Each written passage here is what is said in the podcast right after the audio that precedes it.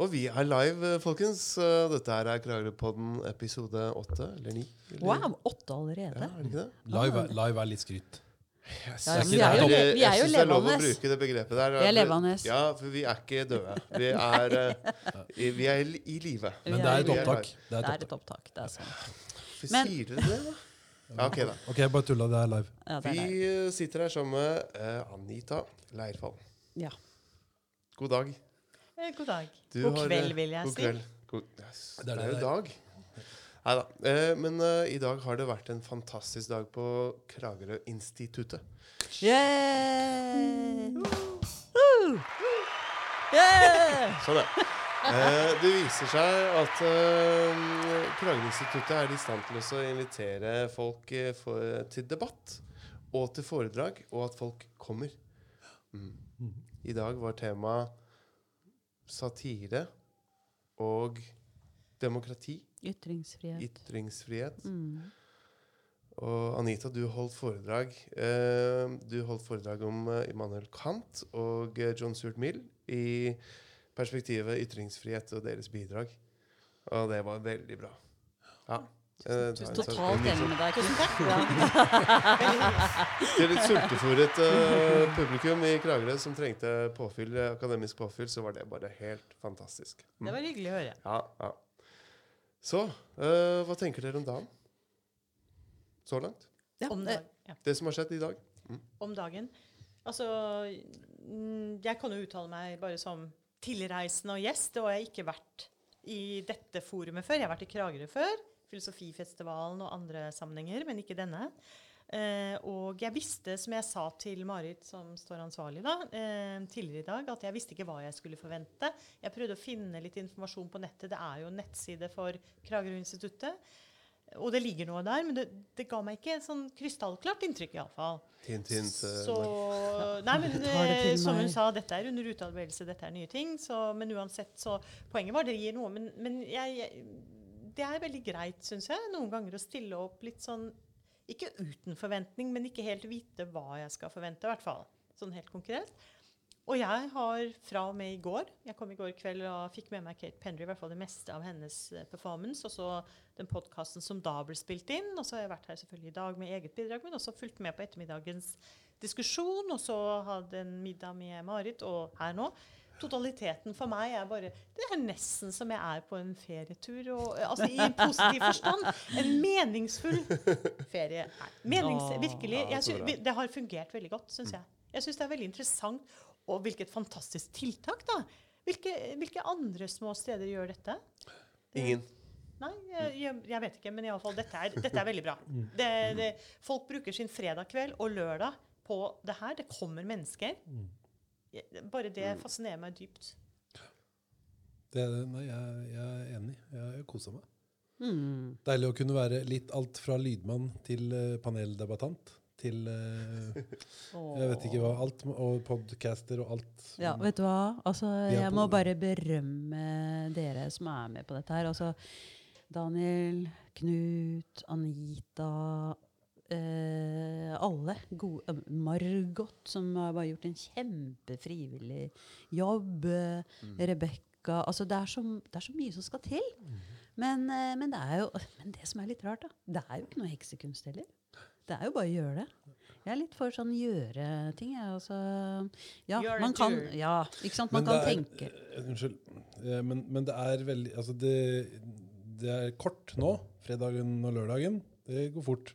Men det du har gjort på forhånd, og de betingelsene vi har lagt til rette for her, med podkaststudio, med Kragerø-instituttet, og med de tinga som har skjedd opp igjennom Det er jo det, den innsatsen som nå bærer frukt. Ikke sant? Mm, og, som vi, og som Knut sa i stad, før vi trykka på knappen, at det som, som viser litt av potensialet som ligger i et tiltak som det her. Men, eh, men det man eh, liksom kan tenke litt tanker om, er jo at det handler om eh, Det er jo bare vårs. Altså vanlige, normale folk som vil noe. ikke sant? Og så er det, eh, når vi inviterer en sånn som Anita Leirfall, som er eh, Ja, hun er filosof og har en merittliste som er lang som eh, bare det. Og veldig, veldig respektabel innen akademiske kretser. Men som bare er så til stede og vil og bidrar og deltar på noe Altså, hvor mange var vi i dag? Jeg vet ikke. 30 mennesker? 35? 35-ish. På det meste. Men likevel så intenst ikke sant, med det, dette viktige området. Eh, sånn at antallet mennesker er ikke alltid det viktigste eh, sånn sett, da. Kvalitet framfor kvantitet. Ja, og som jeg snakket litt med Marit om, for Marit var litt stresset. 'Å, det kommer ikke så mange.' Det var, dette var med Kate Pendrew. Hun er jo også enda mer sånn scenekjent i Norge enn jeg er. Altså, jeg har mine fora som er litt annerledes. Um, Kan jeg bare få se, eh, liksom smette inn her at eh, Anita Leirfall hun har 14 000 følgere på Twitter. Oh. Så det er ikke bare bare, bare dette her, altså. Nei, men det er, jeg, scenen min er litt mer internasjonal. Eh, sånn at i norsk kontekst så Ja. Kate Pendry sant, driver med, med stand, altså, performancekunstner og driver på, på norske scener, har fått Ibsenprisen og sånn, så nordmenn kjenner henne bedre sånn. Og eh, det kom vel en sånn 30-ish i går kveld. Eh, men, eh, og, og Marit var litt bekymret. Altså, jeg er ikke opptatt av tall, men det jeg prøver å fortelle henne jeg, jeg har over mange år vært med i mange sånne organisasjoner rundt omkring, eh, inkludert eh, Oslo.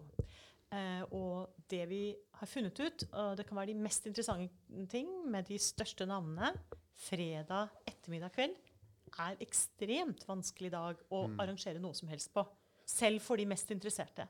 Ikke fordi de ikke er interessert, og de, vi skal ikke klandre dem, men da har de Det er familiære forpliktelser, det er hytten, det er Ja. eh, eh, alternativene er legio. Det er en vanskelig dag, så jeg var kjempeimponert. Jeg kommer til Kragerø, over 30 mennesker stiller opp her på fredag kveld. I går. Og i dag enda flere. På lørdag ettermiddag, er tidlig, eh, nei, sen formiddag, tidlig ettermiddag. Hvor veldig mange går seg tur. I hvert fall som Jeg vet ikke hva dere gjør i Kragerø, men altså stort sett så er det litt shopping, og det er litt gå tur. Det finner på arrangementer med Man tar ikke med barn og familie og sånn til liksom en filosofiseanse. Eller en seanse som diskuterer ytringsfrihet, selv om det er aldri så aktuelt på lørdag. Det er liksom litt dessertdagen. Det har alltid vært min dessertdag, men dette er jo dessert for meg, da. Men, men, eh, men uansett, eh, så, så, så igjen, jeg prøver å fortelle henne at eh, dette er ikke lett noen steder. Og derfor, sett i lys av det her, og lys av stedets størrelse, så er jeg mektig imponert. Yeah. Ja. Tusen takk, Anita. Ja. Det er veldig oppmuntrende. Og så er det jo ikke lett å få til eh, noe spesielt i Kragerø i august, september, oktober, november, desember, januar, februar, mars, april, mai, juni. Eh, og det må man òg huske på. Everything happens in three weeks. Ja. Ok, eh, Kanskje vi skal komme over den der skryte av hverandre-seansen nå. også, altså, eh, og, og begynne også å snakke Altså, nå har vi Anita her. Og Anita, eh, du er filosof, og du har, eh, som du har nevnt, eh, er eh, medlem og deltakende i mange, mange situasjoner. Eh, jeg har bare lyst til å høre litt mer om Du nevnte her i dag at du er med å dele ut denne Sola-prisen. Mm. Ja, og Kan du berette litt mer om det? For det tror jeg, altså Akkurat nå når vi snakker om Mm. ytringsfrihet, så er det Mhm. spesielt aktuelt. Da. Veldig aktuelt. Mm. Um, det var et forum jeg i utgangspunktet ikke var klar over. Jeg ble invitert med av en kollega eh, ved univers Norges miljø- og biovitenskapelige universitet på Ås, da jeg vikarierte for en kollega der eh, et år. Eh, og eh, eh, Solarprisen fungerer slik at du kan invitere med noen du kjenner. Eh, Selvfølgelig hvem som helst kan komme på møtene, men altså inn i det såkalte rådet. Rådet der har en litt annen funksjon enn andre råd. Det, det er det første, men det, du inviteres med inn. Og de som inviteres med inn, det er ikke noe annet kriterium enn at du er interessert i eh, dette med å stå opp for et eller annet du, din samvittighet forteller deg at du burde stå opp for. Og da har vi referansen tilbake til Emile Zola og hans kjente skrift 'Jacques', som var nettopp en eh, Han, han hamra det opp på en eller annen vegg, ja, han så, hvor han sto opp da, ikke sant, eh, mot eh, de, denne Dreyfus-saken, som den kalles, eh, og eh, er kjent for å være en av de første som virkelig sto opp med eh, sivil ulydighet mot myndigheter. Hva betyr så- Jacques? Jeg anklager på fransk. Um, altså fransk, jeg anklager. Um, og um, uh, så hovedessensen her er det å uh, lytte til sin samvittighet. Ikke lytte til mine preferanser, hva jeg ønsker, hva jeg lyster. Din samvittighet vis-à-vis uh, eventuelle krenkelser av eh, ja, menneskets rettigheter. Um, og jeg syns det var et uh, godt formål. og Jeg regner med at det ikke var tilfeldig at jeg ble spurt, for jeg har alltid vært opptatt av den type problemstillinger. Og det, selv om jeg ikke prediker det hver dag, så har det kanskje lyst igjennom. Iallfall så ble jeg med den kollegaen på det Jeg ble ikke med på rådsmøtet først, faktisk. Jeg ble med på prisutdelingen i Nobelinstituttet, som skjer fortrinnsvis 13.1 hvert år, for det var da disse tesene ble hamret opp, som du sa. Eh, men hvis det, ikke, hvis det, faller på en søndag eller feil dag, så prøver man å finne den nærmeste dagen. Da. Så den, I år så hadde vi det 13. januar. Og eh, eh, da ble jeg med på den prisutdelingen i Nobelinstituttet. Og det er en veldig fin seremoni med tale fra eh, lederen i eh, Solarprisen. Eh, nåværende leder er, styreleder da, er Carl Eldar Evang kjent for mange, i hvert fall, som en som jobber mye med um, innvandreres rettigheter og um, har tatt seg av uh, f.eks. psykiatriske helsetjenester for um, papirløse. Han er jo psykiater mm. av profesjon. Uh, og det er nåværende. Det har jo vært flere mens jeg har vært med, men iallfall uh, det er nåværende leder.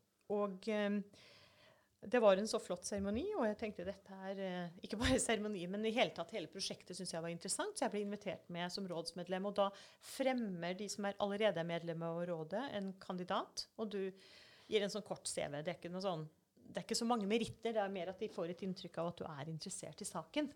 Eh, altså saken i dette tilfellet betyr menneskerettigheter, dette med å sivil eh, Ikke nødvendigvis ulydighet, men altså dette at du eh, appellerer til samvittigheten på den i ånden til Sola. Hvem, hvem, er det som står bak eh, prisen? Det er uh, styret i Sola-prisen. Vi er et styre med en leder, styreleder. Mm.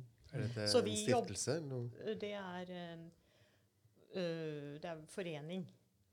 Ja, å, ja. Okay. Er det knytta til, til universitetet?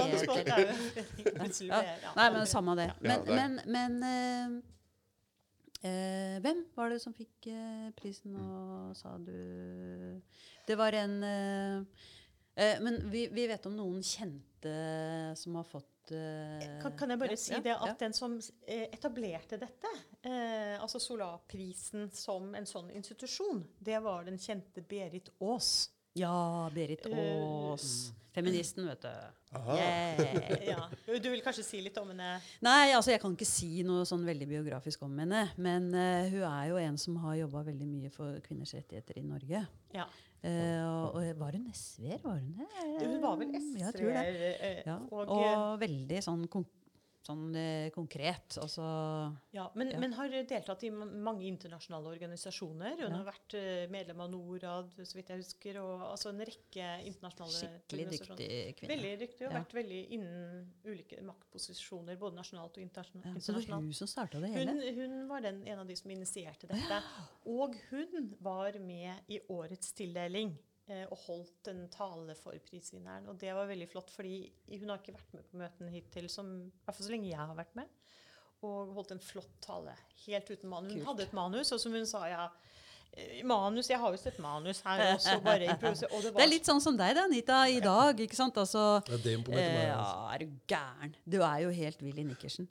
Det er bare å liksom skru på en knapp, og så er det full fart med med ytringsfrihetens eh, filosofisk-historiske Hun har øva mye, tenkte jeg. Nei, det har jeg ikke. Det, det jeg gjør eh, altså man, man, eh, Jeg vet ikke om det er det jeg skal snakke jeg, jeg bare følger opp den tråden, ja, så kan vi ja. hoppe tilbake eventuelt ja, til, til Solarprisen eller ting jeg holder på med. Sånn eventuelt men, kan vi gjøre det. Ja. Men, men iallfall eh, ikke? Jeg er jo filosofisk trent, og jeg har fordypningsemner sånn som Kant. I hele tatt Kants teoretiske, men også hans praktiske filosofi, som jeg holdt på med så å si hele livet. En skikkelig fordypning som eh, Du får jo ikke alltid mulighet for å holde kurs om dette, og sånn, men jeg holder den tråden hele tiden forskningsmessig. Men eh, jeg liker også å snakke utenfor universitetet, altså formidling, da. Og det gjør jeg mye eh, i veldig mange forskjellige fora.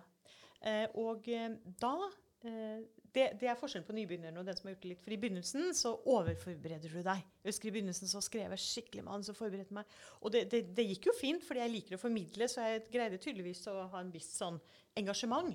Men jeg merker selv at jeg liker ikke å ha manuset. Og hvorfor det? Fordi eh, det er noe med nettopp formidlingens modalitet, modus, og manusets modus, som Vel, Trond Berge Eriksen har en sånn sammenfall der. Eh, mange kjenner jo han fra Filosofifestivalen. Og det er greit. Eh, for min del så har jeg en litt sånn forskjellig skriftlig og muntlig modalitet, modus. Men det, det er bare sånn litt forskjell på mennesker. Jeg kan selvfølgelig legge det nærmere opp, men det er min natur. jeg er opptatt av hva som faller den naturlig. da. Eh, og det tok meg litt tid å oppdage at disse tingene, hva som fungerer og ikke fungerer eh, alle ting, Det har også fungert med manus, for all del. altså folk det er en gammel YouTube-video fra Filosofifestivalen tidligere som, hvor jeg har manus. Men jeg står ikke og leser sånn, men jeg bruker manuset, men prøver å kommunisere, og som folk syns er kjempebra. Jeg tenker wow, det er lenge siden jeg sto med dette manuset på den måten. Mm. Men eh, jeg har hvert Kort sagt, da. eh, De senere årene så er det sånn at så lenge det ikke er i sånn veldig sånn tøff akademisk kontekst, i den forstand at jeg må ha alle detaljer på plass og virkelig forfølge et analytisk argument osv. Og jeg liker i hvert fall å Om jeg ikke leser fra manus, men iallfall skrive ned mye mer, så tenker jeg gjennom noen veldig sentrale tråder i forhold til hva jeg er bedt om å snakke om, hva som er sammenhengen, og hvilke mennesker jeg tror kommer. Det, selvfølgelig så Men man, man, må tenke seg en slags minste felles multiplum her av Mm. mennesker og nivå. Eh, og, og da tenker jeg gjennom sånne kjørebaner, på en måte. Um, det er noen sånne kjørebaner jeg skal gjennom. Og så har jeg noen punkter på de kjørebanene. Og så tenker jeg at rundt de punktene så skal jeg alltid greie å gjøre noen refleksjoner, eventuelle eksempler. De kommer opp. Tenker eventuelt igjennom noen av eksemplene, men noen ganger så kommer de spontant. Det varierer litt. Men tenker gjennom minimum noen, så jeg har noen.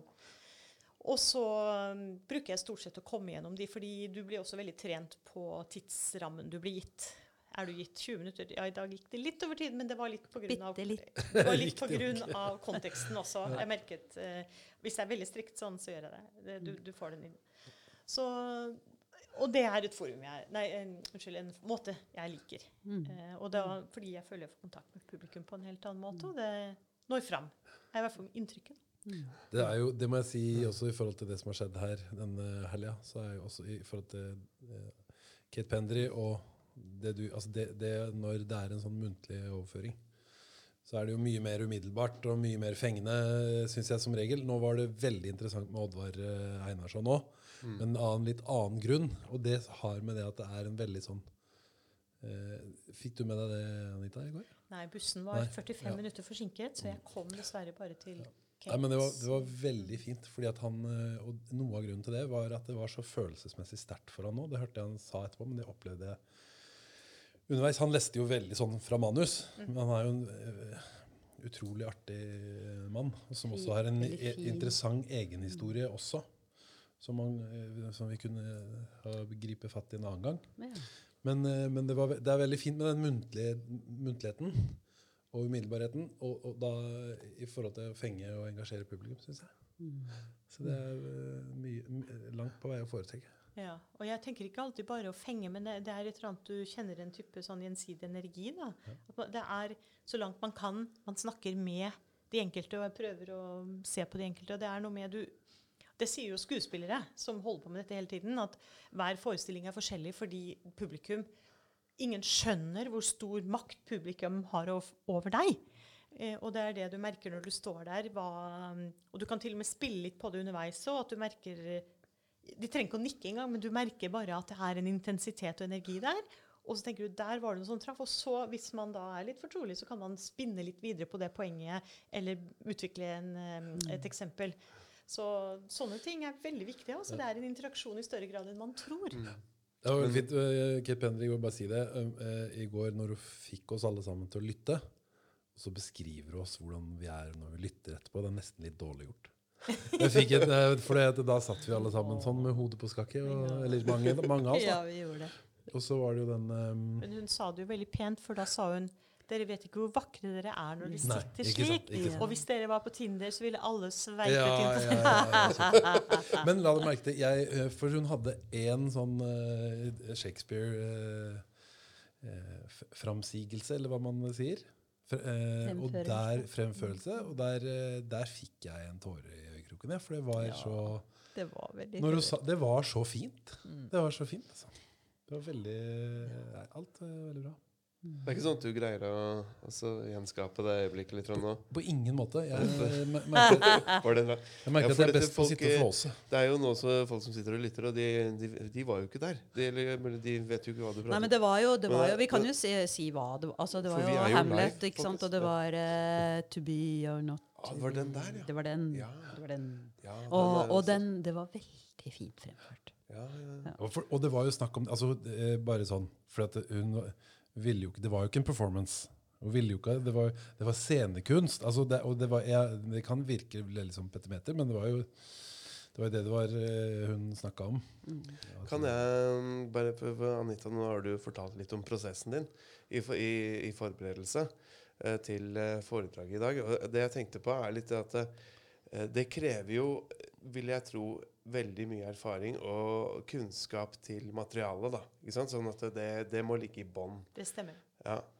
Uh, har, du, har du opplevd å stå på scenen, og så er det på en måte Det begynner å svartne litt, for dette, det er et eller annet som mangler, og du veit det, og du begynner å tenke på det, og så blir du selvbevisst, og så dæven, og så mister du tråden, og så blir det enda verre, og så begynner du å tenke at alle ser det, og så ah, blir det skikkelig nasty, liksom. Har du, har du Å, hvis du har opplevd det, det er én ting, men har du en en eh, prosess som kan liksom hjelpe deg vekk og ut av det?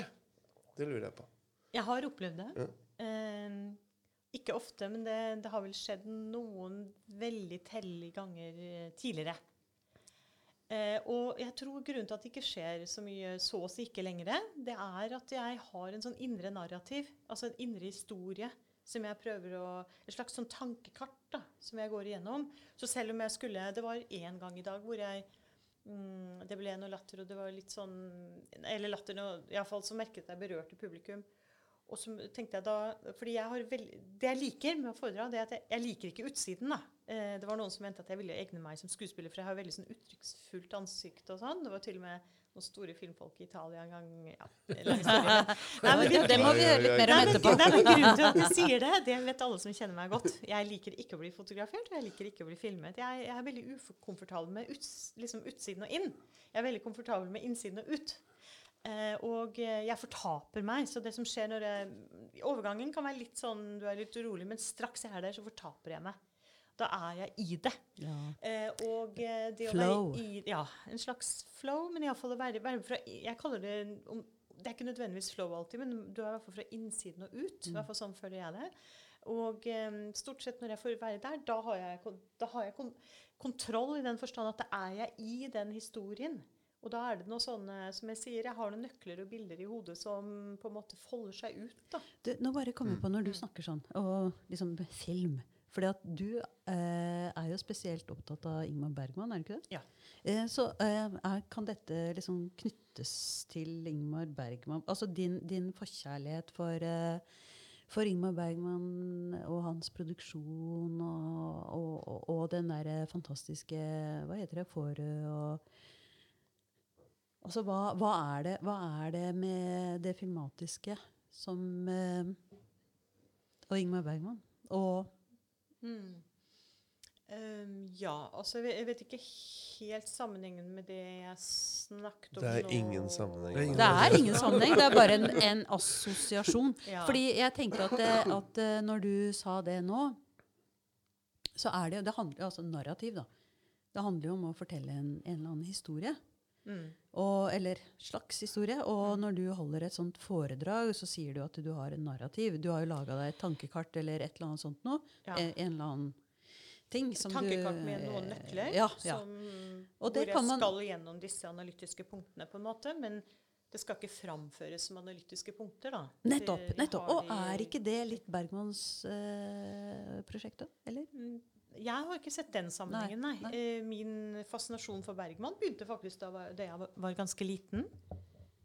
Um, fordi em, jeg husker eh, Ja, jeg vokste opp i tiden før eh, Eller iallfall mens det fremdeles var svart-hvitt-TV, og i hvert fall mye Bergman svart-hvitt. som ble sendt eh, Det var mye sånn teatersendinger på TV i sort-hvitt med Bergman. Og jeg husker jeg hadde jo ikke noen begreper, noen analytiske redskaper eller noe sånt. Jeg var jo bare et barn. Men eh, jeg husker at jeg ble veldig sterkt grepet av disse Bergman-filmene. Så husker jeg min mor brukte å si at ja, denne Liv Ullmann som er i mange av disse Bergman-filmene, hun har jo bare ett ansiktsuttrykk. Og jeg tenkte nei, det har hun jo ikke. Hun er jo så uttrykksfull. Jeg, så, kan, jeg kunne jo på ett nivå skjønne hva hun mente, men for meg så, så uttrykte hun veldig mye gjennom det uttrykket. Eller det, det, selvfølgelig, hun hadde ikke bare ett uttrykk, men, men altså litt sånn færre uttrykk, da. Så syns jeg hun uttrykte mye. Men når man sier Linn Ullmann, så får man et klart bilde i hodet. som Men dette er litt- Liv Ullmann. Ja, li, li, eh, liv, så- eh, Unnskyld, Liv. Det var det, Mm. Liv Ullmann. Eh, Men når jeg hører Liv Ullmann nå, så ser jeg veldig bestemt et uttrykk. Og det er veldig uttrykksfullt.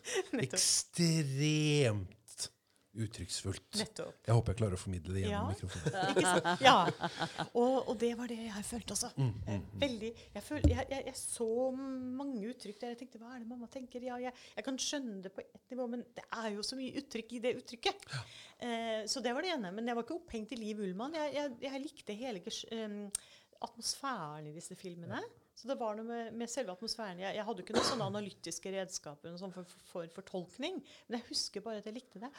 Og en ting jeg også elsket, var at det ble sendt veldig mye sånn svenskspråklige programmer. Så jeg elsker svensken, og særlig det Stockholm, den liksom skikkelig stockholmske svensken. Det var jo et intervju med Pippi Langstrømpe forleden, altså i voksen alder nå, da. Hvor, eh, så hun var min favoritt. Alle ville være prinsesser på barnehagen. Jeg tenkte, jeg er ikke noe prinsesseemne, tenkte jeg. Jeg er ikke blond, jeg er ikke, liksom, jeg er ikke noe søt liten sånn. Jeg er Pippi. Jeg, jeg hadde den der styrken av alltid litt guttejente. Det var, jeg tenker meg om, så hadde jeg bare guttevenner som kom og ringte på. 'Anita, skal vi ut og leke?' Og da løper vi om kapp, og de lærte meg å knytte skolisser og plystre. Og det, og det har jeg ikke tenkt på før senere, for det, det var jo bare sånn. Men jeg har aldri vært noen sånn jentegruppejente. Eh, jeg har hatt mest guttevenner hele veien, fram til nå, egentlig. Jeg har selvfølgelig noen jentevenner, men det, og det mange tror jeg liksom, at det har med noe sånn kjønns... Nei, det har, jeg syns gutta har en sånn skvær måte å være på, som, og så har de vært i større grad tålmodige i forhold til å være interessert i sære ting. Altså være litt nerdete sammen. Og det, det ligger for meg. Vi er ganske ålreite. Ja, jeg synes Dere er Vi er, vi er ganske ålreite. Å, det er så mye bra. Man mye hører bra jo ofte at det er, er lettere å være gutt enn å, være jente. Jeg har alltid lurt på hvorfor, eh, hvorfor man mener det. Men jeg tror det kanskje har sammenheng nettopp med det at er litt så, vi, er, vi, vi er kanskje litt lettere å lese, eller det vil si, vi, er, vi har ikke så mye vi, vi, er så, vi er så enkle vesener. så det du ser, det er det, du, det, er det som er. It's what you get. Ja. En av de tingene jeg eh, både likte Men da, da hadde jeg ikke begreper om det. Da, eh, som sagt, Det jeg likte med gutta, var at vi gjorde noe. Vi konkurrerte, vi løp om kapp, vi lærte oss noe. altså Det, var, det foregikk noe. Jentene drev med det man i voksen alder vil kalle på nynorsk 'mind games'. altså Det var alltid noe sånn der, det der. Og jeg hatet det. Hvorfor skal man drive på med sånn 'den er imot' og 'med'? den, eh, altså jeg, jeg, Det var ikke for meg i det hele tatt. Og det syns jeg det fins masse unntak, heldigvis. Etter hvert som du blir voksen, så finner du fornuftige damer. Men jeg synes det har vært litt sånn tendens da, til at mange jenter har Det er veldig mye sånn prating om andre. Og jeg, selvfølgelig kan jo jeg gjøre det, men jeg, mm, når jeg kommer i sånne rene jenteforsamlinger de få gangene jeg gjør det nå, så merker jeg at det, skjer fremdeles mellom folk på min alder, og, eh, altså voksne jenter, da, kan du si. Eh, og jeg blir, jeg blir fryktelig utrygg av det. Jeg, jeg, mm, jeg tenker eh, derfra det dit, for vi gjør det jo alle litt. Men jeg greier ikke å ha en kontinuerlig omgang som, som, som hovedsakelig Eller i stor grad, da. Ikke bare, selvfølgelig. Men mye av omgangen går også på det. Og det men, men der er folk forskjellige. Jeg klar, jeg bare, da blir jeg litt sånn at jeg trekker meg litt unna. Jeg, Men, men eh, hvis du skulle dra en linje mellom det eh, som du var interessert i da, i barndommen, eh, ikke sant, Mm. og, og litt fremover, har det, har det for deg utkrystallisert seg noe som er liksom ditt ditt prosjekt eller ditt, din greie, liksom. Det er det du altså, Jeg vet jo at du er sykt god til å formidle, men eh, innholdet i formidlingen, er det Hva eh, Altså, hvis du skulle prøve å forklare Hva er det som er så viktig å formidle, Anita? Hvorfor må du drive på med den formidlinga di? Kan du, kan du liksom ikke? Du drar du er jo, Jeg vet du er over verden hele tida, og så får du en forespørsel. Kan du komme hit og snakke om ytringsfrihet? Og det første du gjør, det er å si ja, det vil jeg. Og kommer ned og saus Altså bare stå på for å for, formidle noe om det. Men, men eh, bortsett fra at du selv er i, eh, i tre minutter eh, oppmerksomhet for en liten gjeng på 30 mennesker, som umulig kan være det som er eh, motivasjonen for at du skal gjøre det, hva er det for noe som egentlig driver det? Hva, hva er prosjektet? Um, jeg følte det var et par-tre spørsmål i Ja, ja, det var det helt sikkert. Eh, Unnskyld. eh, men- dårlig men- formulert. Nei da, nei, men jeg, hvis det er greit, så føl, oppfattet jeg det litt sånn. Jeg Det kan være litt sånn kort. Det er ikke hele barndommen, men veldig kort. No, et aspekt i barndommen var at jeg lærte meg veldig tidlig å lese helt på egen hånd uten noe sånn stimuli hjemmefra. Jeg bare plutselig en dag Og det er et av de største magiske øyeblikkene jeg opplever i en alder av fire. Ja, fire er år å liksom- lære seg selv å lese. Ja, jeg bare sånn i, i gata, Vi hadde en skomaker i gaten der jeg bodde. Eller ikke i gaten der jeg bodde, men bortenfor. da, i en sånn sidegate. Eh, hvor det sto skomaker Spjøtvold'. Og vi alle, visst, alle snakket jo om skomaker Spjøtvold, og det var der vi reparerte skoene våre. Eh, men en dag så gikk jeg forbi skiltet, og så så jeg plutselig skomaker Spjøtvold'. Og så hørte jeg meg jeg, jeg bare skjønte plutselig sammenhengen mellom de tegnene og lydene. Og så husker jeg jeg snudde meg til de andre og sa jeg, «Åh, jeg tror jeg kan lese! Ja, men det er helt sant. Det er, det er et av de første Nei, det er det første magiske øyeblikket. Vi, har, vi har mange fine magiske øyeblikk. Vi snakker om magiske øyeblikk. Nå snakker jeg om de magiske øyeblikkene som er helt sånn skjellsettende. Og det er, det, det er det ene. Jeg har liksom, mm, kanskje tre-fire sånne i hele livet fram til nå. Det var det første. Og det, det glemmer jeg aldri, aldri, aldri. Og, og så snudde jeg meg til de andre barna i gata. Så jeg, og jeg, var sånn, jeg løp rundt som en gærning. Jeg kan lese! Hun, hun veiver ut med hendene, armene her nå mens hun forteller. Ja, virkelig. Jeg kjenner gleden. Jeg kjenner det nå. Altså, liksom. Og så Men gatas parlament var tøff. Det var oh, You don't get anything for free. Du ble testa. Åh, det var sånn eh, Kan du lese, du, ja? Jeg bodde i Trondheim, da. ja, ha-ha, prove it. Ja, vis det, da. Liksom, det var sånn Du får ikke noe gratis, da. Og så dro jeg med meg alle bort, og så pekte jeg skomaker Spjøtvold i ren ekstase. Da ble det stille, da. Det var ikke noe klapping, eller noe sånt, men det var eh, taushet. da. Så jeg har jo lært meg det også. da, at Taushet kan jo ofte være megetsigende, det også. Ja. Eh, men det, det var virkelig et stort øyeblikk for meg. Og etter det så, så var bøker og lesning eh, livet. Vi, jeg var så heldig å bo så å si vegg i vegg med en lokalbiblioteket. Så jeg og min bror eh, var, var sånn som leste ut hele biblioteket. Vi var skikkelig leseste. Vi hadde ikke noe særlig bøker hjemme, men, men vi hadde biblioteket. Så jeg, jeg stopper aldri å prise de offentlige norske bibliotekene. Det er noe av det vakreste som er skapt i Norge, det mener jeg, altså sånn kulturelt. Det er så flott. Norske folkebibliotek. Oh, yes. Det er mye å si om det. Og for de som er interessert, så skrev Audun Lindholm en veldig nydelig art Uff, nå kan jeg når jeg blander. Skrev han det i Vagant? Han er jo redaktør av Vagant. Jeg mener jeg leste i Vagant, men det er mulig det var en Facebook-oppdatering. Eh, Uff a meg. Men den, den Ja, nå beklager jeg at Nei, jeg det- blandet det spiller men iallfall uh, sjekk det ut, fordi eh, det, det var eh, det var en nydelig lovprising hvor han gikk inn i den tradisjonen og, og sa en del om dens betydning for norsk kultur. Men det er, Og veldig, det er veldig viktig i forhold til de temaene vi har hatt der òg. Altså jeg tenker som demokratiske Mm, altså, høyborger og for ytringsfriheten, så er jo de helt sentrale Ja, og instrumentelle. Og det, det tenker jeg Det er nesten litt rart at ikke vi har snakket om bibliotek før i dag. Men Er ikke det en fin overgang til å snakke om det vi har Ja, om? så kunne jeg bare fortsette Ja, ja, ja. bare i forhold til spørsmålet, da, fordi det, det henger sammen med dette for meg. da, At, uh, tusen- at um, biblioteket um, ikke sant? Altså Det betyr hvem som helst, uansett bakgrunn, økonomi, whatever, uh, kan gå dit og låne en bok. Um, og det gjorde meg Jeg forelsket meg i bøker, da. Så det har jeg gjort helt siden. Og min drøm i mange, alle år mens jeg var barn og ungdom og student og ikke hadde så mye penger det Selvfølgelig kjøpte jeg fagbøkene, men det var et stort bibliotek. Andre drømte, drømte om koden, jeg å si konemann. Eh, altså familiebiler og hus og sånn. Jeg drømte Selvfølgelig krevde det kanskje et hus, da, men jeg, min drøm var en dag skal jeg ha et stort bibliotek. Og det har jeg endelig fått til. Jeg har et gigabibliotek hjemme. Og jeg våger påstanden kanskje et av hvert fall Norges største kantbiblioteker også. Ah, så deilig. En samling.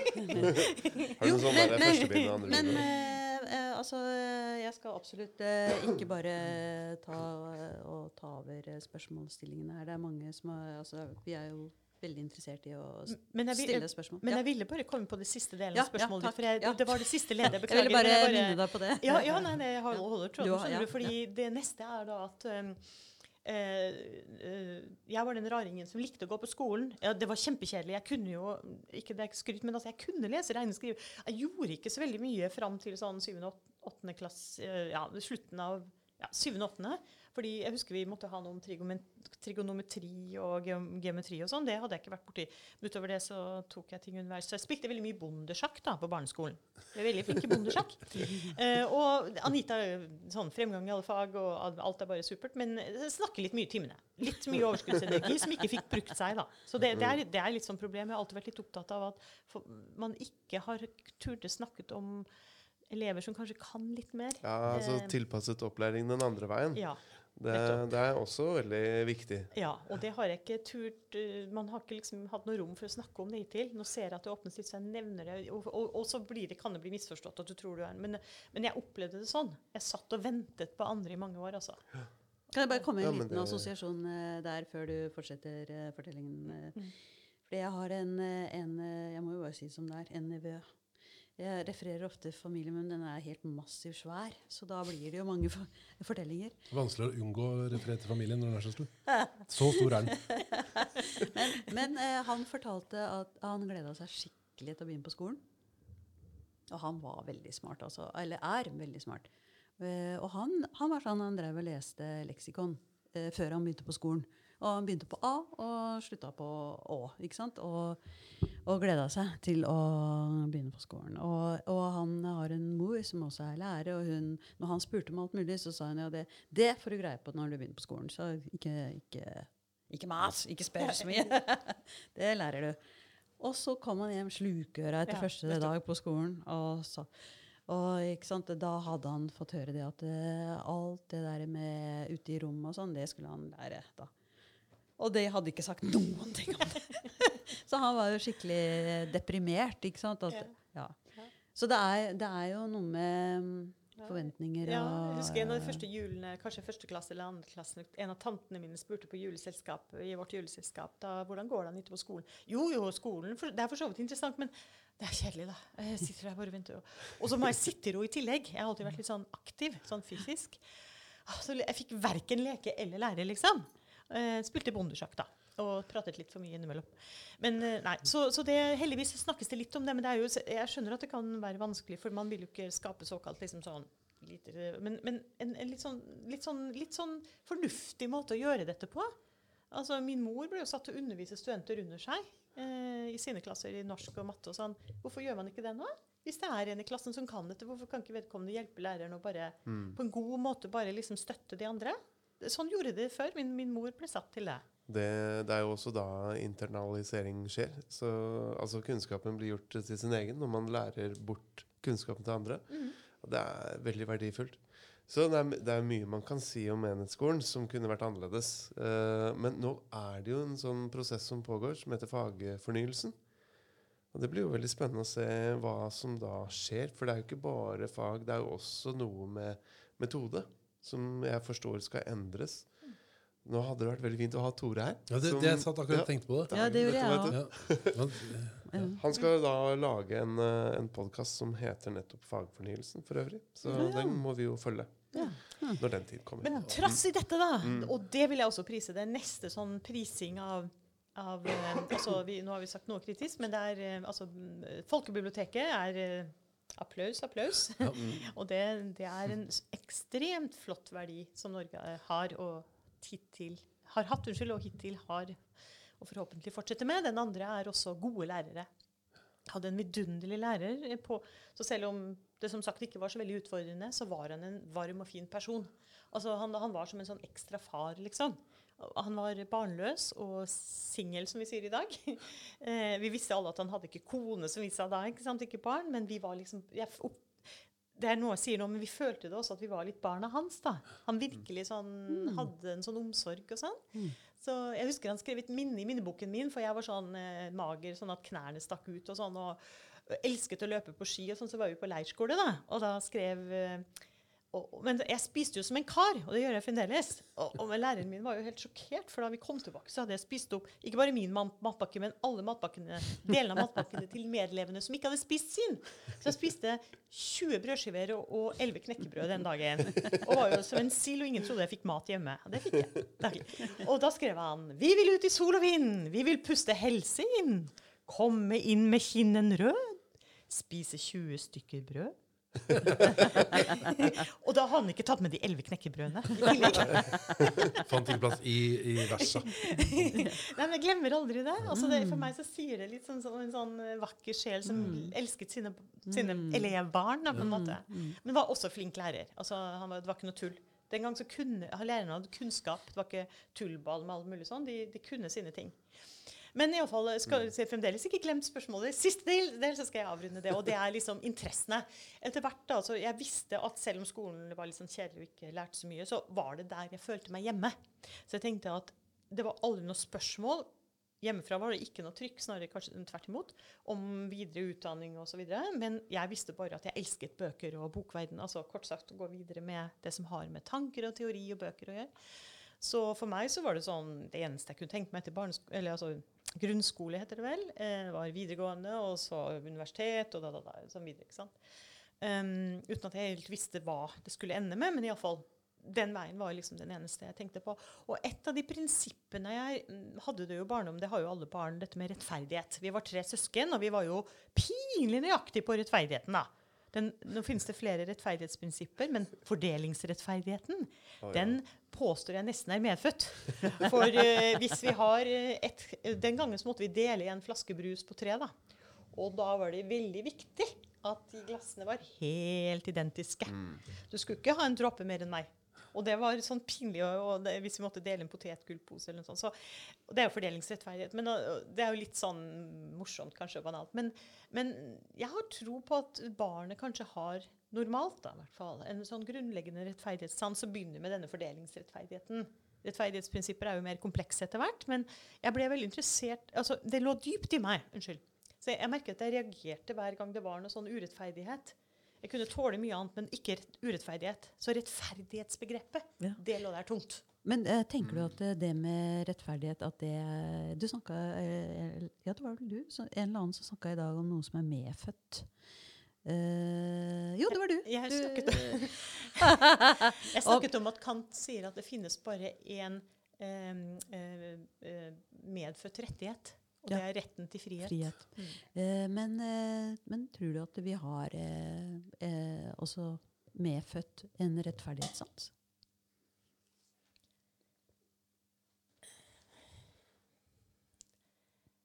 Jeg er litt forsiktig med alt som har med medfødt påstander om det medfødte gjøre, og, altså hevde noe om det. Og, og nå siterte jeg bare Kant med medfødt frihet. Ja. Men den, den kan vi begrunne, og jeg, jeg, jeg syns Kants begrunnelse er god, nemlig at hvis du sier nei, jeg har ingen medfødt frihet, hva har du appellert til når du sier det? Jo, din frihet til å si at din frihet ikke er medfødt. Ergo så har du allerede appellert til en frihet. til å si det. Catch 22 uh. Ja, det er ikke helt catch 22, men jeg ser hva du, vi kaller det en sånn refleksiv innsikt. At du, du greier ikke å, å bryte ned det prinsippet uten at du bekrefter det.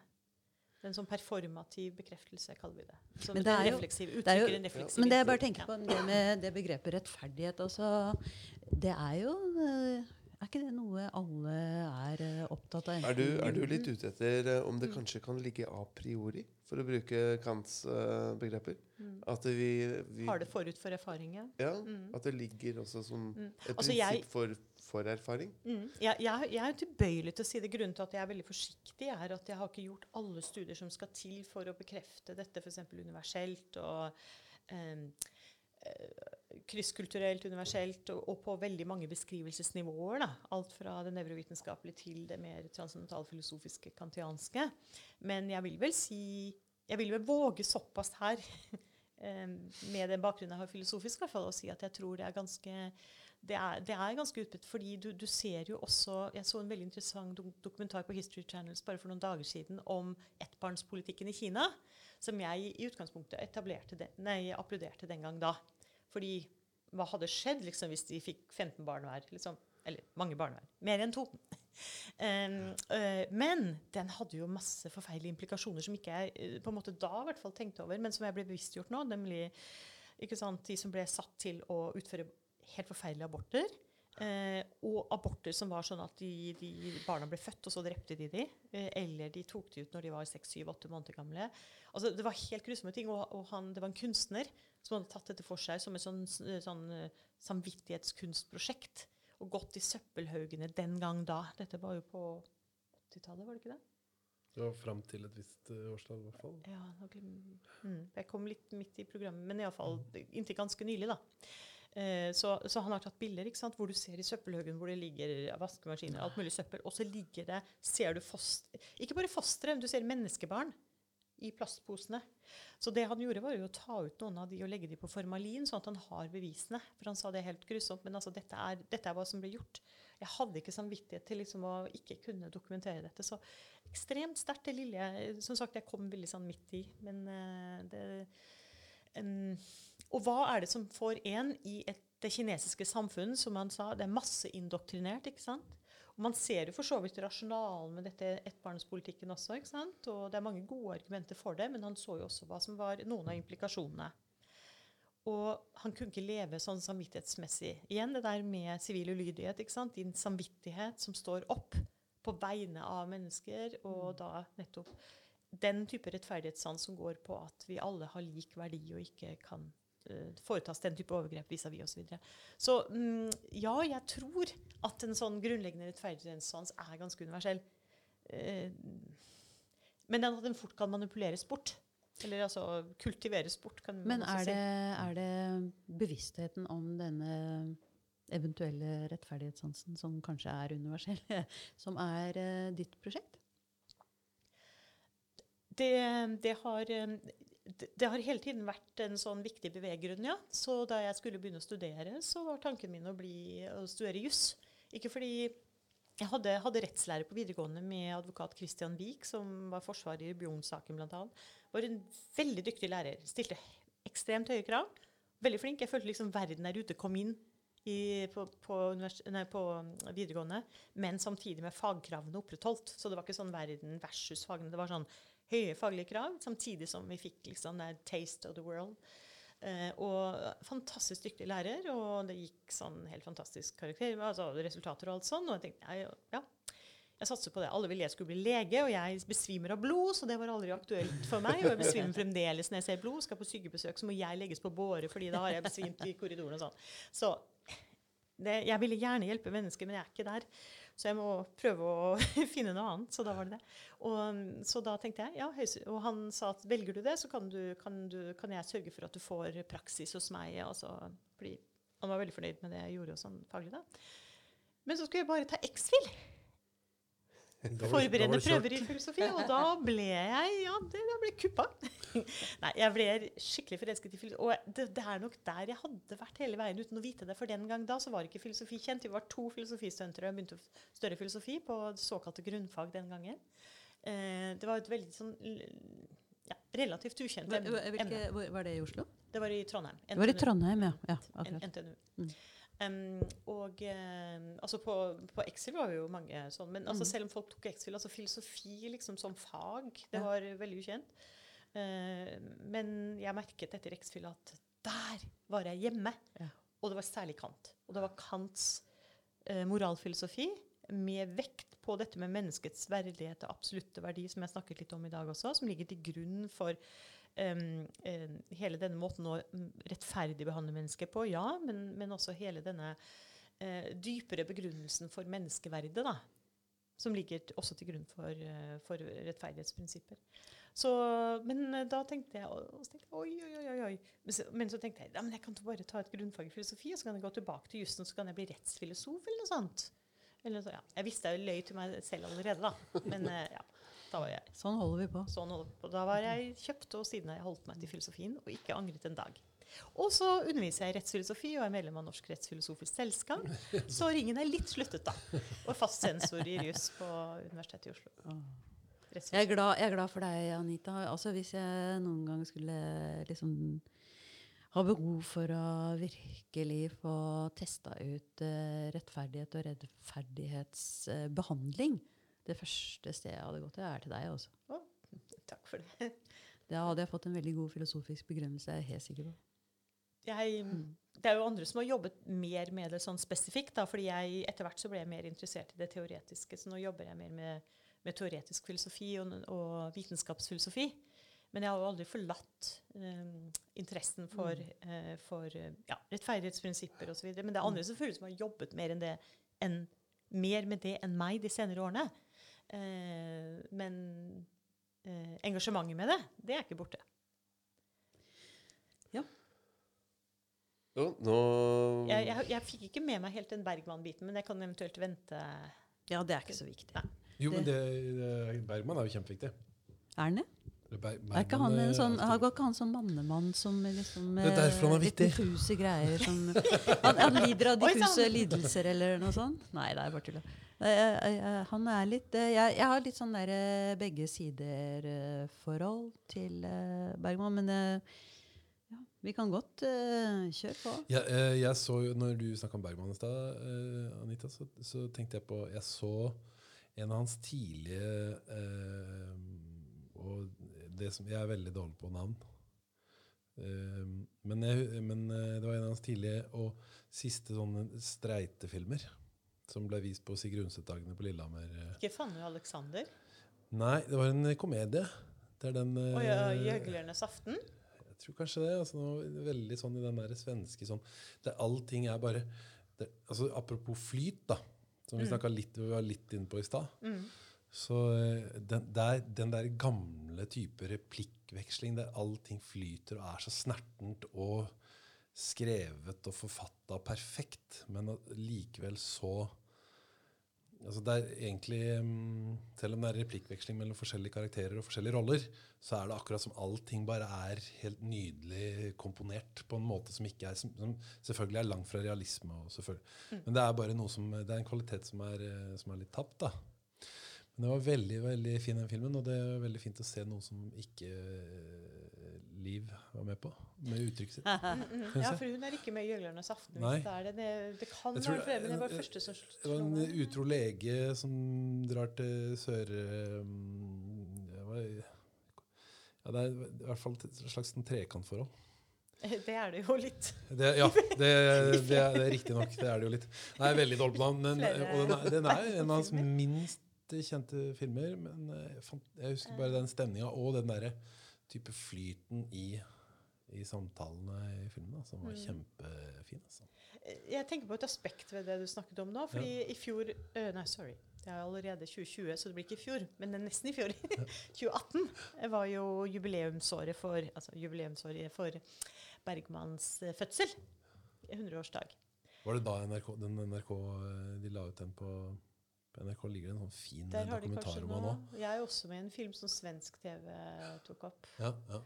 For jeg var på var Bergman-stipendiat på Forø den sommeren. Så de kom hele filmteamet og tok opptak med oss som var stipendiater på det tidspunktet. Det var helt uventet, det visste ikke vi.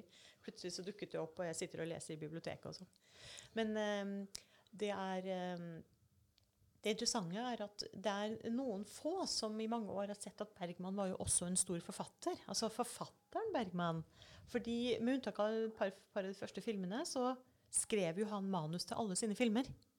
Så han skrev manus og regisserte. Og jo, altså han var sånn total eh, Altså manusforfatter, regissør og produsent. Og instruktør av sine skuespillere. ikke sant? Så han hadde en slags sånn totalitet på det. Med unntak av de par av de første filmene. Um, og, så nå har det blitt gitt ut bøker. Eh, det kom et par i jubileumsåret, og det kommer nå strømmende. Eh, Bergman som forfatter. Og jeg tenkte, Måten du formulerte deg på i sted, det der med eh, replikkene og flowen osv. Eh, han jobbet veldig mye med selve plottene og eh, historiene. da. Og det, det er ikke så mange som har tenkt på hittil, fordi alle har fokusert på filmene naturlig nok. da. Men det, er, det er veldig interessant. Så nå har de gitt ut bøker på Nordli i Oslo for eksempel, så har de nå Jeg kjenner hun som er ansvarlig for Bergman-avdelingen. er veldig flink. Hun tar inn alle de, og nå har hvert stykke sine eh, manus da, blitt utgitt sånn i og for seg. Og så er det selvfølgelig flere sånne kommentarbøker på eh, Bergman som forfatter. Veldig interessant, altså. Veldig dyktig. Veldig, veldig gjennomgående. Den var, har dere sett den dokumentaren som ligger på NRK? Har ikke det. Det er flere dokumentarer. Denne av. Sara Magnusson. Ja, så, det var sånn det. er flere dokumentarer. Ja, det er med, en serie med der de tar for seg litt forskjellige deler av livet hans. Jeg tror Ikke den jeg- som tar for seg året 1957, Jo. da. Ja, nettopp. Sara Magnussons film. Ikke film. sant, ja. Og den, var jo, den er jo så For det viser jo hans produktivitet. Men det året var ekstremt. Ja, for da avvikla han sånn fire forhold i tillegg til å ha sånn tre altså Hvor mye var det? Du har sikkert eh, Ja, ja, talla på det? det ikke bare meg, men til og med de som var involvert i forholdene. Jeg hadde ikke oversikt over hvem han var sammen med. Ja, det var helt. Men det var sånn et ekteskap og tre forhold i løpet av det året. Og tre Og han- teateroppsetninger og fire filmer. Og, Ja, det var liksom nettopp. hele Ja, det, var, det var et ekstremt produktivt, hvis jeg skal si det sånn, Ja, på år mange på, på mange, vis. Mange plan. Ja. Ja. Nei, veldig, veldig Skal vi se, hva, hva var det filmen het igjen? Herregud, et år i Nei, er det et år i Bergmanns liv? Å, nå står det helt stille her. Ja, hva dokumentaren heter Jeg husker ikke. Eh, Det er Sara Magnusson som er Ja, ja, regissøren. ja. Ja. Den, den anbefales. Men, eh, Veldig, ja. men eh, hva, hva er det med, med, Med Bergman? Bergmans Ja. kunstnerskap som Mm. er mm. Altså, ja, for det er interessant, fordi jeg skjønte jo ikke som barn hva det var. Det, det var noe, og mamma, det eneste jeg visste at når mamma sa det hun sa, så var jeg ikke enig. men var, Det var jo sånn uartikulert, ikke sant? Du har ikke begrepet, men det var noe. Jeg ble helt grepet. Og det har alltid fulgt meg, i tillegg til den svensken som jeg sa, den, men det, det er jo en annen tilleggsfaktor, da. Men altså, filmene. Og etter hvert som jeg så mer film jeg liksom, Jeg var den som eh, etter jeg var ferdig på biblioteket på universitetet, så gikk jeg og så film. Så jeg så liksom sånn fem, seks, syv av de klassikerne i løpet av uken på filmklubben. Da, så fikk jeg også den, den utdanningen, kan du si. Eh, så, og det er en veldig fin sånn avkobling, selv om de kan kreve sitt, så er det en annen måte å kreve på. da. Så jeg, jeg likte veldig godt den kombinasjonen av å se film og lese bøker. Eh, Og da igjen da fikk jeg, fikk jeg liksom sett på nytt av Bergmanns filmer. Og har det har på en måte fulgt meg litt sånn taust, egentlig. Sånn utematisert. Jeg har ikke gått sånn Ja, Bergman er interessant for meg pga. Liksom, veldig analytisk A, B, C, D. Men han har vært der hele veien. Og så dukket dette Bergman-stipendmuligheten opp på Fårö. Og da tenkte jeg nå skal jeg benytte det som et påskudd til å, å liksom gå videre inn i hva er det som du sier, hva er det egentlig med Bergman for meg? Og da finner jeg ut nå når jeg er litt sånn voksen og liksom artikulert, eller i hvert fall har den bakgrunnen jeg har på mange plan, da, at det er nettopp det der ikke-intellektualistiske, det ikke-språklige. Um, det som er uh, uh, litt det sublime, men ikke bare sublime, men også det som går på som han, ok, Bergman selv sier 'Jeg ville egentlig bli komponist'. For den kunstformen som lettest, eller som på beste måte når inn til menneskenes hjerter, det er musikken. Så jeg ville egentlig bli komponist, men det skjønte jeg at jeg aldri kunne bli, for jeg var ikke dyktig nok. Jeg hadde ikke de eh, evnene. Derfor så valgte jeg filmen, fordi den, for meg da jeg var lite barn, så har det, Fanny Alexander, ikke sant, der har han gutten sitter og ser inni den teatret. Han har selv en modell av eh, Dramaten i biblioteket sitt på Forø. minimodell, som han brukte som barn, hvor han selv satt og så inne i teatret. Altså Han gikk inn i det magiske universet. og Hvis dere har lest hans selvbiografi 'Laterna Magica', Nylig bok. Den anbefaler jeg på det varmeste. 'Laterna Magica', Bergmans selvbiografi.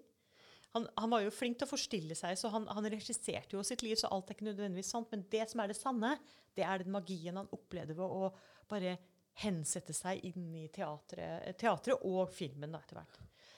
Og, så det, det er veldig vakkert, og det, det kommer fram i flere, flere av filmene hans. Men, men det er noe mye som han sier, altså den, den magien som filmen i og for seg er. Um, og det at du går inn, men så er jo de, mange er jo opptatt av de konfliktene han tar opp. Det ble snakket her om alle sånne forhold og trekantforhold. og Det er, altså, det er veldig vanskelig. Man må ha en presis tittel her for å vise Ja. hvilke trekantforhold. Det, er, det, er, det, skjer en del ganger i Bergmanns filmer. Både tre og fire. Ja, i det hele tatt. Sånn kompleksitet rundt kjønnene, og, og, og mann og kvinne. Eh, men det er ikke det som er hovedpoenget hans. For han sier med filmene mine så vil jeg berøre, sier han. Og jeg vil berøre um, eh, altså virkelig hjertene. Altså, ikke på en manipulativ måte, men jeg vil jeg ønsker å finne den kjernen som egentlig kommuniserer på tvers av alt. Eh, og en nydelig scene som jeg bruker for å beskrive det, det er en av scenene Dere har kanskje sett det sjuende innseilet? Seven Seal. Det er altså den som åpner med, med å spille sjakk, hvor eh, eh, hvor ridderen spiller eh, sjakk med Med døden. Ikke sant? Det, det, det, det, er jo en helt sånn ikonisk strands- scene. Strandscene, ikke sant? Hvor døden, du spiller sjakk med døden. Alle har sett den. Max von Sydow. Ja, Max von Sydow er ridderen som spiller sjakk med døden. Og har den passiar der. Hvem vinner siste trekket, ikke sant? Eh, og um, det, det, det det er en helt sånn klassisk film. Og der i, i løpet, Det er egentlig en road movie, eh, men på, den er jo satt tilbake til middelalderen med middelalderkulisser og det hele. Eh, og har veldig mange sånne ikoniske scener. Fordi, ja, vi, hvis dere ser filmen, så vil dere se at dere har sett den rundt omkring. Og det er masse sånn pastisjer på det her, og ironiske filmer. som er, altså Den er så berømt. Alle folk rundt omkring i hele verden som har et forhold til film, har sett en eller annen, om ikke annet, så en sånn metakommentar på Syvende innseilet. Men midt, nei, midt i, men et stykke ut i den filmen så er det en sånn nydelig scene da, hvor ridderen eh, møter en gjøgler og hans kone, som er, eh, har, de har, de har et lite barn. da. Og ridderen har jo da vært igjennom mange prøvelser, og det er død, og svart, det er jo egentlig svartedauden og middelalderen, og det er, det er mye elendighet. Ehm, og kort sagt vært gjennom mange prøvelser og sånn. Og så, men så kommer de til en lysning i skogen med denne kjerrevognen og så han gjøgleren og hans kone og barnet. Og så setter de seg ned i en ring der oppe på en sånn lysning, da, og, eh, og så tar de frem eh, villjordbær, altså um, smultron. Altså wild strawberries. Altså villjordbær. Markjordbær, sier vi på norsk. Mm. Og, eh, og så, sender de, så det sender de rundt, og så sender de rundt en, en, et fat med melk som alle drikker av sånn, rundt denne sirkelen de sitter i. Og så tar ridderen seg til hjertet og sier 'dette øyeblikk skal jeg aldri glemme'. Og så blir det et veldig sånn briljant lys. liksom. Ikke, ikke sånn påfallende, du ser det når du ser det, men det, men det, det blir veldig sånn lyst. Og, og jeg er veldig opptatt av at eh, eh, smultron Wild strawberries, markjordbær som vi sier på norsk. Det, det, for det første så betyr jo det noe mer på svensk enn bare jordbærene. Det betyr det lyse, gode stedet eh, med varme og trygghet osv. som du opplevde f.eks. når du var på hytta. eller det, det er steder du erindrer som de gode, varme, trygge stedene du hadde i livet, og der man var sammen på en sånn, på en sånn måte som for alltid vil være der. Som en sånn Den gangen så hadde vi det sammen. Er det- Samme hva som skjer. Ja. De vokser jo på spesielle steder. Det er det som er. Smultronstellen. Ja, sant? for det er sjeldent, ikke sant? Vi, hvor sjeldne øyeblikk, så, men sånne øyeblikk er det gylne øyeblikk. Og jeg bruker ofte uttrykket til Augustin, en av um, disse filosofiske tenkerne fra middelalderen. Han bruker uttrykket 'nungstans', altså evighetens øyeblikk. Bergman bruker ikke det, men jeg bruker det når jeg tenker på dette. At, og vi vet, det, det er ikke mer abstrakt enn at alle har opplevd sånn i livet. Noen sånne enkeltøyeblikk blir sånne evighetsøyeblikk av sånn Der sto tiden stille, og der var det noe vakkert som skjedde. Og, og plutselig så følte man en forbindelse som ingen sa. Skulle man begynne å snakke om det, så ble alt ødelagt. Skulle man planlegge det, så ville alt være ødelagt. Den var der der og da. Og um, dette spiller Bergman på flere ganger. Det, det som er opplagt, Han har jo en egen film med den tittelen. 'Smultronstellet'. Han har, eller 'Wild Strawberries' på engelsk. da. Men det er et sånt øyeblikk annet også i 'Syvende innseilet'. Og så er, finner du sånt øyeblikk i 'Sommeren med Monica'. Du finner den i flere filmer, så etter hvert som jeg blir bevisst der, så ser jeg det jo. Men da er det bare punktvis i de filmene. Men eh, smultronstellet, den, altså Wild Strawberries etter hvert så har det, Før så var jeg sånn Persona og kanskje også da Wild, Nei, beklager. Eh, Sjuende innseilet var mine favoritter, men etter hvert så den, den smultronstellet altså Wild Strawberries på engelsk, det, det, er- det syns jeg er en aldeles nydelig film. Og den ble laget i 1957, da. Mhm. Det er det, det produktive året. Men det er, den er så nydelig. Det er, eh, det er mye som skjer, og det er mye sånn um, drøm og virkelighet og sånn. Men jeg, jeg har en plan om å skrive en bok. Det er, veldig, det er. Ja, Eh, vi, vi snakker det er, vi da er det veldig bra å snakke om det på Kragerpodden, for vi er, vi er, vi er litt, hem, litt hemmelige, men ikke, vi, er, vi er jo tilgjengelige, men ikke Ja, men uh, i alle fall, eh, jeg, så jeg sier ikke mer om det.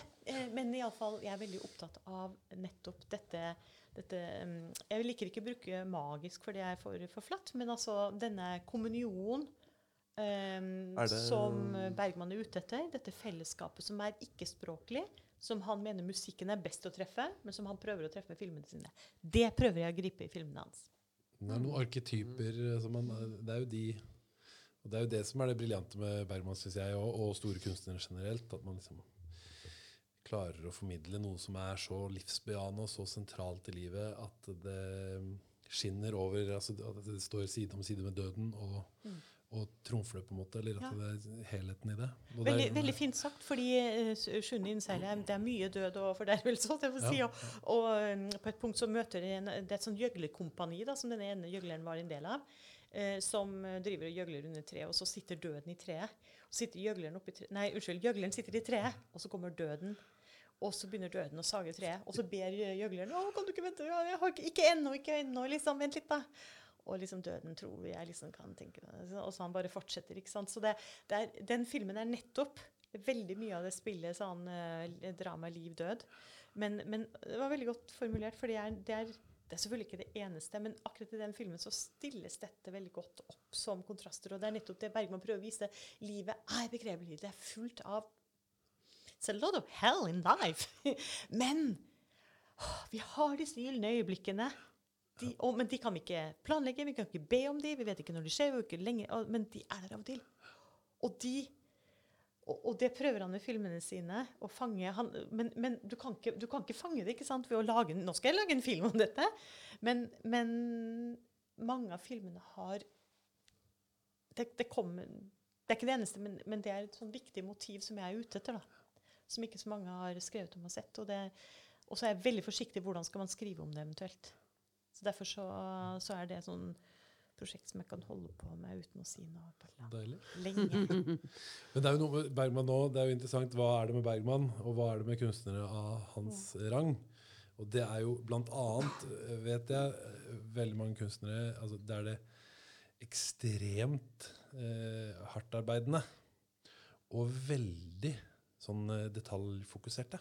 Ja. Det, Bergman var alt dette. Ja, ikke sant?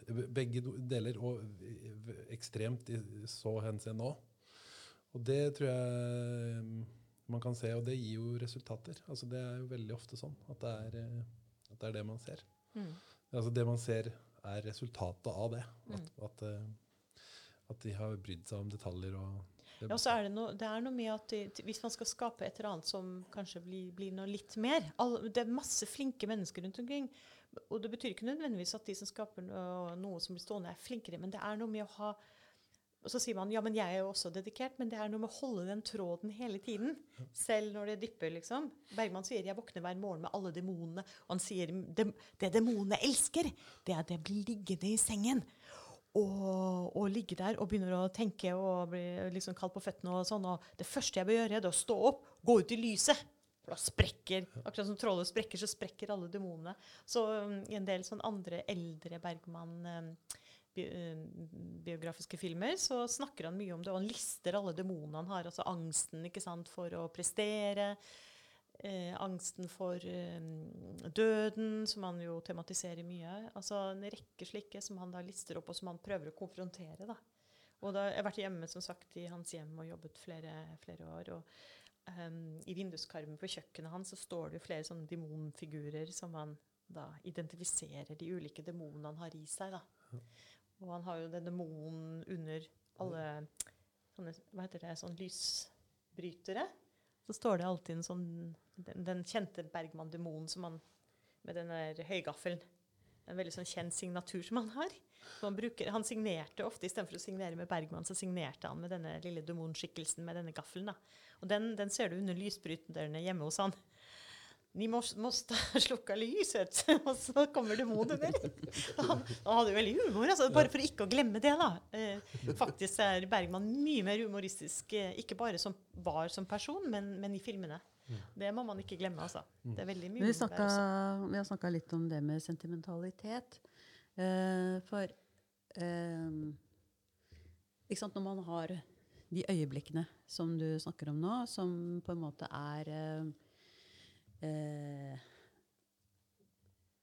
opplevde øyeblikk, i hvert fall i fantasien eller en forståelse, eller ikke sant? Altså det der spesielle øyeblikket som da står stille, men som er veldig opplevd. Og det å bringe det med seg videre. Eh, og være på jakt etter det, på en måte. Eh, ja, gjerne i filmen eller i musikken eller altså i kunsten i livet. Det å jakte det øyeblikket, det kan bli litt sånn eh, eh, altoverskyggende, på en måte. At eh, eh, det er det store øyeblikket hvor man på en måte at, eh, Alt hang sammen med alt. Ikke sant? At eh, Ja. Men det Og det, det, det når, du, når du opplever det f.eks. som et barn, eller, eller når som helst i livet, så, så eh, er jo det et veldig eh, touchy moment. Og det blir kanskje også Eller man kan dra det ut på den måten at det også er et sentimentalt øyeblikk. Eh, og, og det kan være Man kan tenke at det kan kanskje også være litt spekulativt. Skjønner du hva jeg mener? spekulativt f.eks. når filmskapere gjør noe ut av det. Ja, eksempel. Mm. Og det jeg, jeg um, Men, men bare for sagt ja, på, ja, på, ja. I forsvar, til forsvar for Bergman, han jaktet ikke disse øyeblikkene. Nei. Han sier at, um, og, og det er ikke bare de han har, han har mye annet også. Men det han prøver å vise, er fordi som du var inne på, det er flere ting. altså livet, uh, Mye av syvende innseilet er jo masse Det er, det er jo på å si, ja, Det sies jo ikke at det er svartedauden, det er middelalderen, det er pesten. altså Det er en slags sånn pest, da. ikke sant? Og det, det, er, det er mye begredelig som foregår. Og det er folk som uh, henger på korset. og Altså det er uh, Gud, hvor er du? All elendigheten i verden. altså Det er, det er forferdelige ting.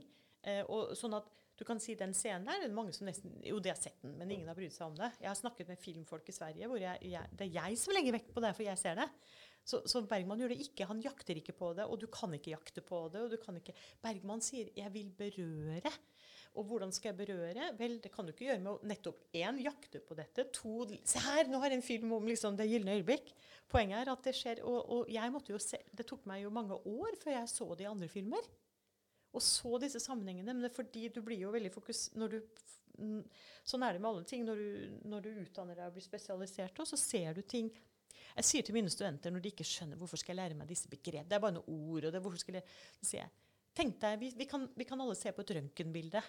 Jeg er ikke en røntgenfotograf eller eh, hva heter det? Ja, er ekspert på røntgenbilder.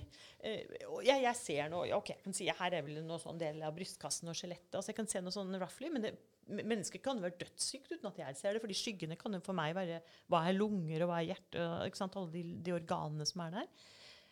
Når du lærer deg begreper og teori og så, videre, så betyr det at du lærer deg å lese det bildet. Du får et sånn mer fin, eh, grey, eh, det, eh, Du får et finere sånn gitter, da, på en måte. Eller Finmask. finmasket heter det på norsk. Jeg tenkte litt engelsk. Finmasket eh, ikke sant, nettverk hvor du ser mer. Du ser innover i det samme. Så det å se noe som noe Fenomenologene i filosofien har snakket mye om dette. Men det kan brukes helt konkret. Og jeg bruker ofte røntgenbilder for mine studenter som et eksempel. Da. Fordi jeg, jeg, jeg blir selv så fascinert. Jeg kan se det samme. Jeg tenker, herregud, Hadde jeg vært lege, så hadde ikke jeg stilt noen god diagnose her. Jeg ser nøyaktig det samme som ham. Og jeg ser ingenting, og han ser jo 30 sykdommer her. Eh, så, sant? så det er noe med det, da. At eh, du kan sitte og se den samme filmen og se forskjellige ting og forskjellige forventninger. Og det tok meg lang tid for, Nå høres det ut som Bergman er ute etter dette. og det er knapt sykt. Ok, mange husker en scene, men det var liksom en scene blant veldig mye annet. Mange husker sjakkscenen osv. Så, videre. så dette er jo fordi jeg har et fokus, og det fokuset har jeg ikke for å si at det var Bergman ute etter, men jeg er ute etter å vise at um, Unnskyld. Ikke vise engang, men um, mm, hva mente Bergman med dette, med den form for berøring som han mener musikken har? Og han legger det subtilt inn i filmene. Mm. Men jeg, jeg skjønner hva du Eller jeg ofte, ofte I forhold til det med eh, det sentimentale og det spekulative i det sentimentale ofte, syns jeg man ser i gode Hollywood-produksjoner. Når du måtte vet at nå om i løpet av fem minutter nå, så kommer den scenen der jeg kommer til å sitte og grine. Og jeg, jeg hater det, men jeg, jeg gjør det. Og jeg, og jeg gjør det, altså. Fordi at det er, det er eh, Der kan du nesten tikke av på, eh, på Det er noe med Altså. det. Med musikken og så det, Alt det er bygger liksom seg opp, og så kommer den ene følelsen, og så bygger den ja. på den andre, altså. Men det er der Bergman og sånne som Bergman og av kunstnere av rang gjør det så tilforlatelig og så uanselig og så Bergman er ikke sentimental, Utvungent. rett og slett. Er- Bergmans filmer er ikke sentimentale. Og så er det sånn, det er som med store kunstnere altså du, Store filmkunstnere, at du ler og griner liksom om hverandre. Eller du, det, det er når Men jeg tror jeg skjønner jeg tror jeg, Unnskyld. Ja, jeg tror jeg skjønner Eller kanskje. eh, En, et forsøk på å skjønne hva, hva, hva du mente, var at mm, for, for den, altså disse evighetsøyeblikkene, som er disse vakre øyeblikkene, de kan bli noe sentimentalt i en selv. Som Å, ikke sant? Vi snakket jo litt om det tidligere i dag, uavhengig av Det var det jeg prøvde å referere til. Ja, det var det jeg tenkte på. Ja. Eh, men, så, så, så, så det kan det være for en selv. Men, men Bergman legger ikke opp til det, eller, eller viser ikke det i filmene. Men det er noe du, du selv leser inn eventuelt og berøres av. Men Bergmans uh, filmer om dette, f.eks. Um, 'Smultronstellet', er ikke sånn. Selv om han har en nydelig sluttscene der han endelig ser sine foreldre i liksom en drøm, og igjen dette lyset, sol, skarpe sollyset, hvor de sitter på en nydelig odde der og fisker. altså det, det er nesten som et maleri, for det er fjernt. Det er ikke noe sånn konkret 'å, nå fisker de'. Det er liksom nesten som et litt sånn fjernt maleri. Uh, det, er, det er en helt sånn ikonisk scene. Men der skjønner du, ikke sant? Han ser tilbake til Han har en drøm om liksom, tank, barndommen. Det var noe gyllent. Det var noe gyllent som forsvant. Det er Men det- ikke sentimentalt. Nei, Nei men, men eh, det er det at det er ikke overtydelig stated, verken med musikk, som du sier, eller noe. Det bare kommer. Og det, det er mange for eksempel drømmetydere som tenker ja, i drømmetydningens kontekst så betyr dette bla, bla, bla. Jeg var på forrige første gang med en som veld, var veldig opptatt av sånn drømmetydning og sånn, som går litt an Noe sammenfaller, men som gikk andre veier med disse tingene. Jeg tenker at det, Alt det du har snakka om nå, med, om Bergman og din eh, tydelige interesse og entusiasme rundt dette, her, er, forteller veldig mye om deg, Anita, som er utrolig interessant. Eh, og eh, det kan også eh, være eh, eh, oppspillet eller innledningen til eh, et annet eh, tema som du er veldig interessert i, og som du selv har toucha så vidt hittil. Eh, som er eh, Kant. Kant, Kant, Immanuel Kant. Han har jo Det er en mann. Det er en mann. ja. Og som Min har, ja, din mann. Mm. Som eh, da har levd eh, nå i Hvor lenge er det? 300-400 år eller noe sånt nå? Ja, Eller han, tre, han, han, ja. han ble født i 1724 Ja, nå er vi, ja, ikke sant? Nå er vi jo snart 18 i og døde i 2024. 1804. Ja, så vi, Jo, jo, men altså han om fire år så har vi 300-årsjubileum. ja, ikke sant? Han tikker og går og herjer og hamrer i hjertene våre. Og, og um, eh, av alle filosofene i hele verden, eh, og de er ikke få altså En ting er i vår, eh, disse store mennene gjennom eh, vår vestlige filosofihistorie. Men vi vet jo at det fins langt flere enn de. Men av alle så har du eh, liksom eh, plukka ut Kant som, eh, som det du kretser rundt, da. Mm. Eh, det? Hvorfor det? Hva, hva er det med Kant? Ja, nei, eh, det, det, det var ganske klart for meg, fordi jeg tok som sagt X-Fil og skulle egentlig studere juss. Det var planen. Jeg skulle bare ta X-Fil først. Så jeg tenkte jeg setter av det semesteret. Det var liksom, jeg var ute på reise sånn halve semesteret, og så tenkte jeg jeg tar X-Fil, og så setter jeg i gang. Var en liten sånn ja, Ikke pause engang, men sånn, iallfall så, så tok jeg det veldig slekt og liksom bare tenkte ja, OK, nå setter jeg i gang. Og så tar jeg X-Fil, og så skal jeg inn på jusstudiet, og da blir det beinhardt løp igjen. Og så forelsket jeg meg helt i hele tatt X-Fil-filosofi. da, altså Vitenskapsfilosofien. Jeg husker Aristoteles ble jeg veldig begeistret for. Um, så de som pekte seg ut for meg, var Platon, Aristoteles, men også vitenskapsfilosofien. Altså hele utviklingen fra det um, geosentriske verdensbildet, overgangen eh, Copernicus, Kepler, Galilei, Newton osv. Det var kjempespennende overganger der. Og det kurset var ikke lagt opp på tradisjonelt vis. Det var en sånn um, foregangskurs som var vitenskapsteoretisk fokusert, så det var færre filosofer, men fokus på vitenskapsfilosofiens utvikling. Men i tillegg så var det en sånn delemne om Kants praktiske filosofi. Uh, med Helge Høybråten, som kanskje noen kjenner. Nei, den, um, en, en, en som virkelig har hatt stor betydning for mange når det gjelder å velge filosofi. Han var en veldig flott X-FIL-lærer. Eh, han er veldig muntlig. Han har ikke publisert så mye, men er ekstremt sånn aktiv muntlig og samfunnsdebatt osv. Um, så han var veldig dyktig lærer, og han hadde det kurset om Kants eh, praktiske filosofi. Og det var så interessant. Da leste vi skikkelig Da brukte vi originaltekster. Grunnlegging, altså grunnlegging til moralens metafysikk hos Kant. Og gikk gjennom det. Utformingen av de kategoriske imperativene, forståelsen av frihetsbegrepet, forståelsen av hva moralloven hvordan den er vis-à-vis de kategoriske imperativene osv. videre. så hypotetiske imperativer. Det var, det var ganske så, så teknisk. Og i hvert fall gikk skikkelig i dybden relativt sett til å være X-Fill, fordi det var færre tema, eh, færre filosofer man skulle gjennom. Og det likte jeg veldig godt. at det var med. Jeg har alltid vært litt sånn som en sier, vertikalt eh, orientert. Um, og jeg elsket det. Jeg vet, jeg vet ikke, um, det Svaret mitt på det er at uh, det var en sånn gjenklang. Et, jeg tenkte nå, dette har jeg søkt hele tiden. Det var en sånn resonans. Jeg, hvor jeg, visste ikke om det før jeg traff det, på en måte. Det, det, var, det var en sånn resonans der, apropos dette med rettferdighetsprinsipper. og Det var en sånn Ja. resonans der. Og jeg husker jeg skrev eksamen i, nesten i ekstase, og det gikk skikkelig bra. Og alle sånn, du bør studere filosofi. Altså ikke bare det, men alle, altså inkludert logikken og alt. da, så gikk det veldig bra. Og du bør studere filosofi. Ja, men jeg har jo, skal jo studere juss. Jeg er ikke noe sånn vinglekopp. liksom. Jeg kan ikke drive og hoppe av her og sånn. Jeg går litt for ting jeg går for og sånn. Og så tenkte jeg jeg tar grunnfag som het da, i filosofi, og så går jeg eventuelt tilbake til jussen. Og det ble det ikke, fordi da visste jeg jo egentlig at jeg drev og løy for meg selv. Jeg sa én ting, men visste jo i hjertet at jeg var der og Jeg har ikke angret på filosofivalget, selv om det har vært quite bumpy til til tider. Det er ikke lett fag å verken få jobb i, eller og det er ikke helt Ja. Det, men men iallfall faget i seg selv. Det er veldig flott. Mm.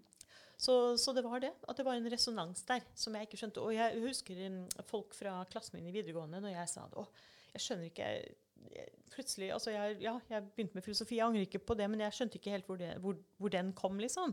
Og da sa de at det skjønte vi allerede da.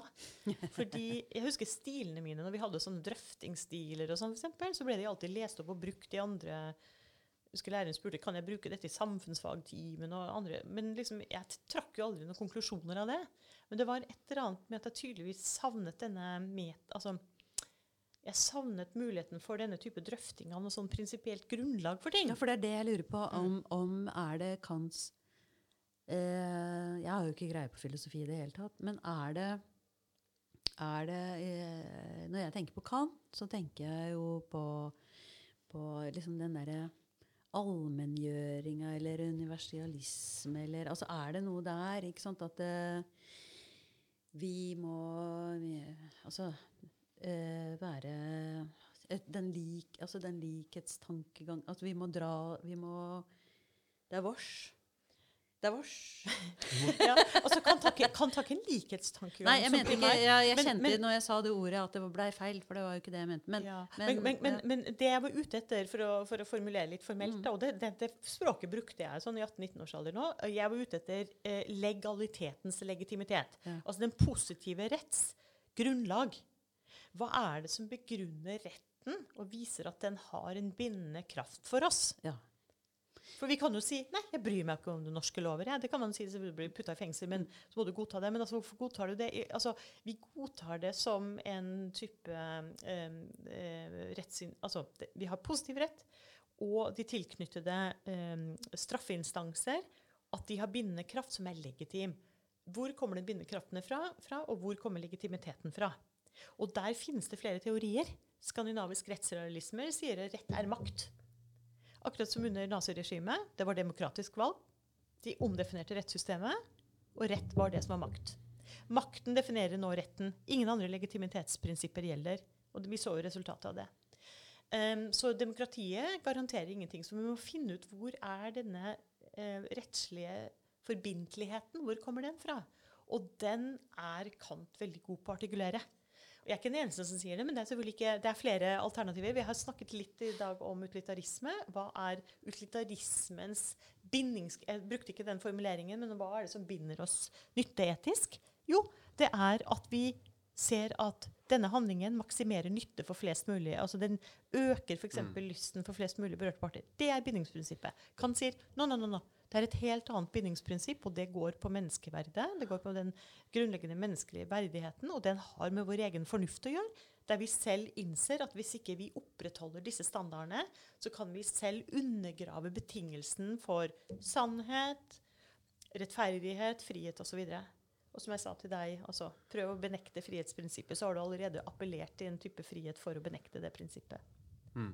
Nettopp, nettopp. Så det er, slik, det er, det er en sånn ting, og det, det interessante er at jeg senere har fått jobbet rettsfilosofisk med sånne prinsipper. Da, men det var det som virkelig det, Der begynte det. Mm. Men så fant jeg ut at Kant var så spennende, og jeg begynte å lese hans etikk. og sånn, så fant jeg ut, jo, men For å forstå etikken dypere så må jeg forstå hans teoretiske filosofi. og Det er sånn typisk meg, som jeg sier, jeg går veldig i vertikalen, så går jeg ned.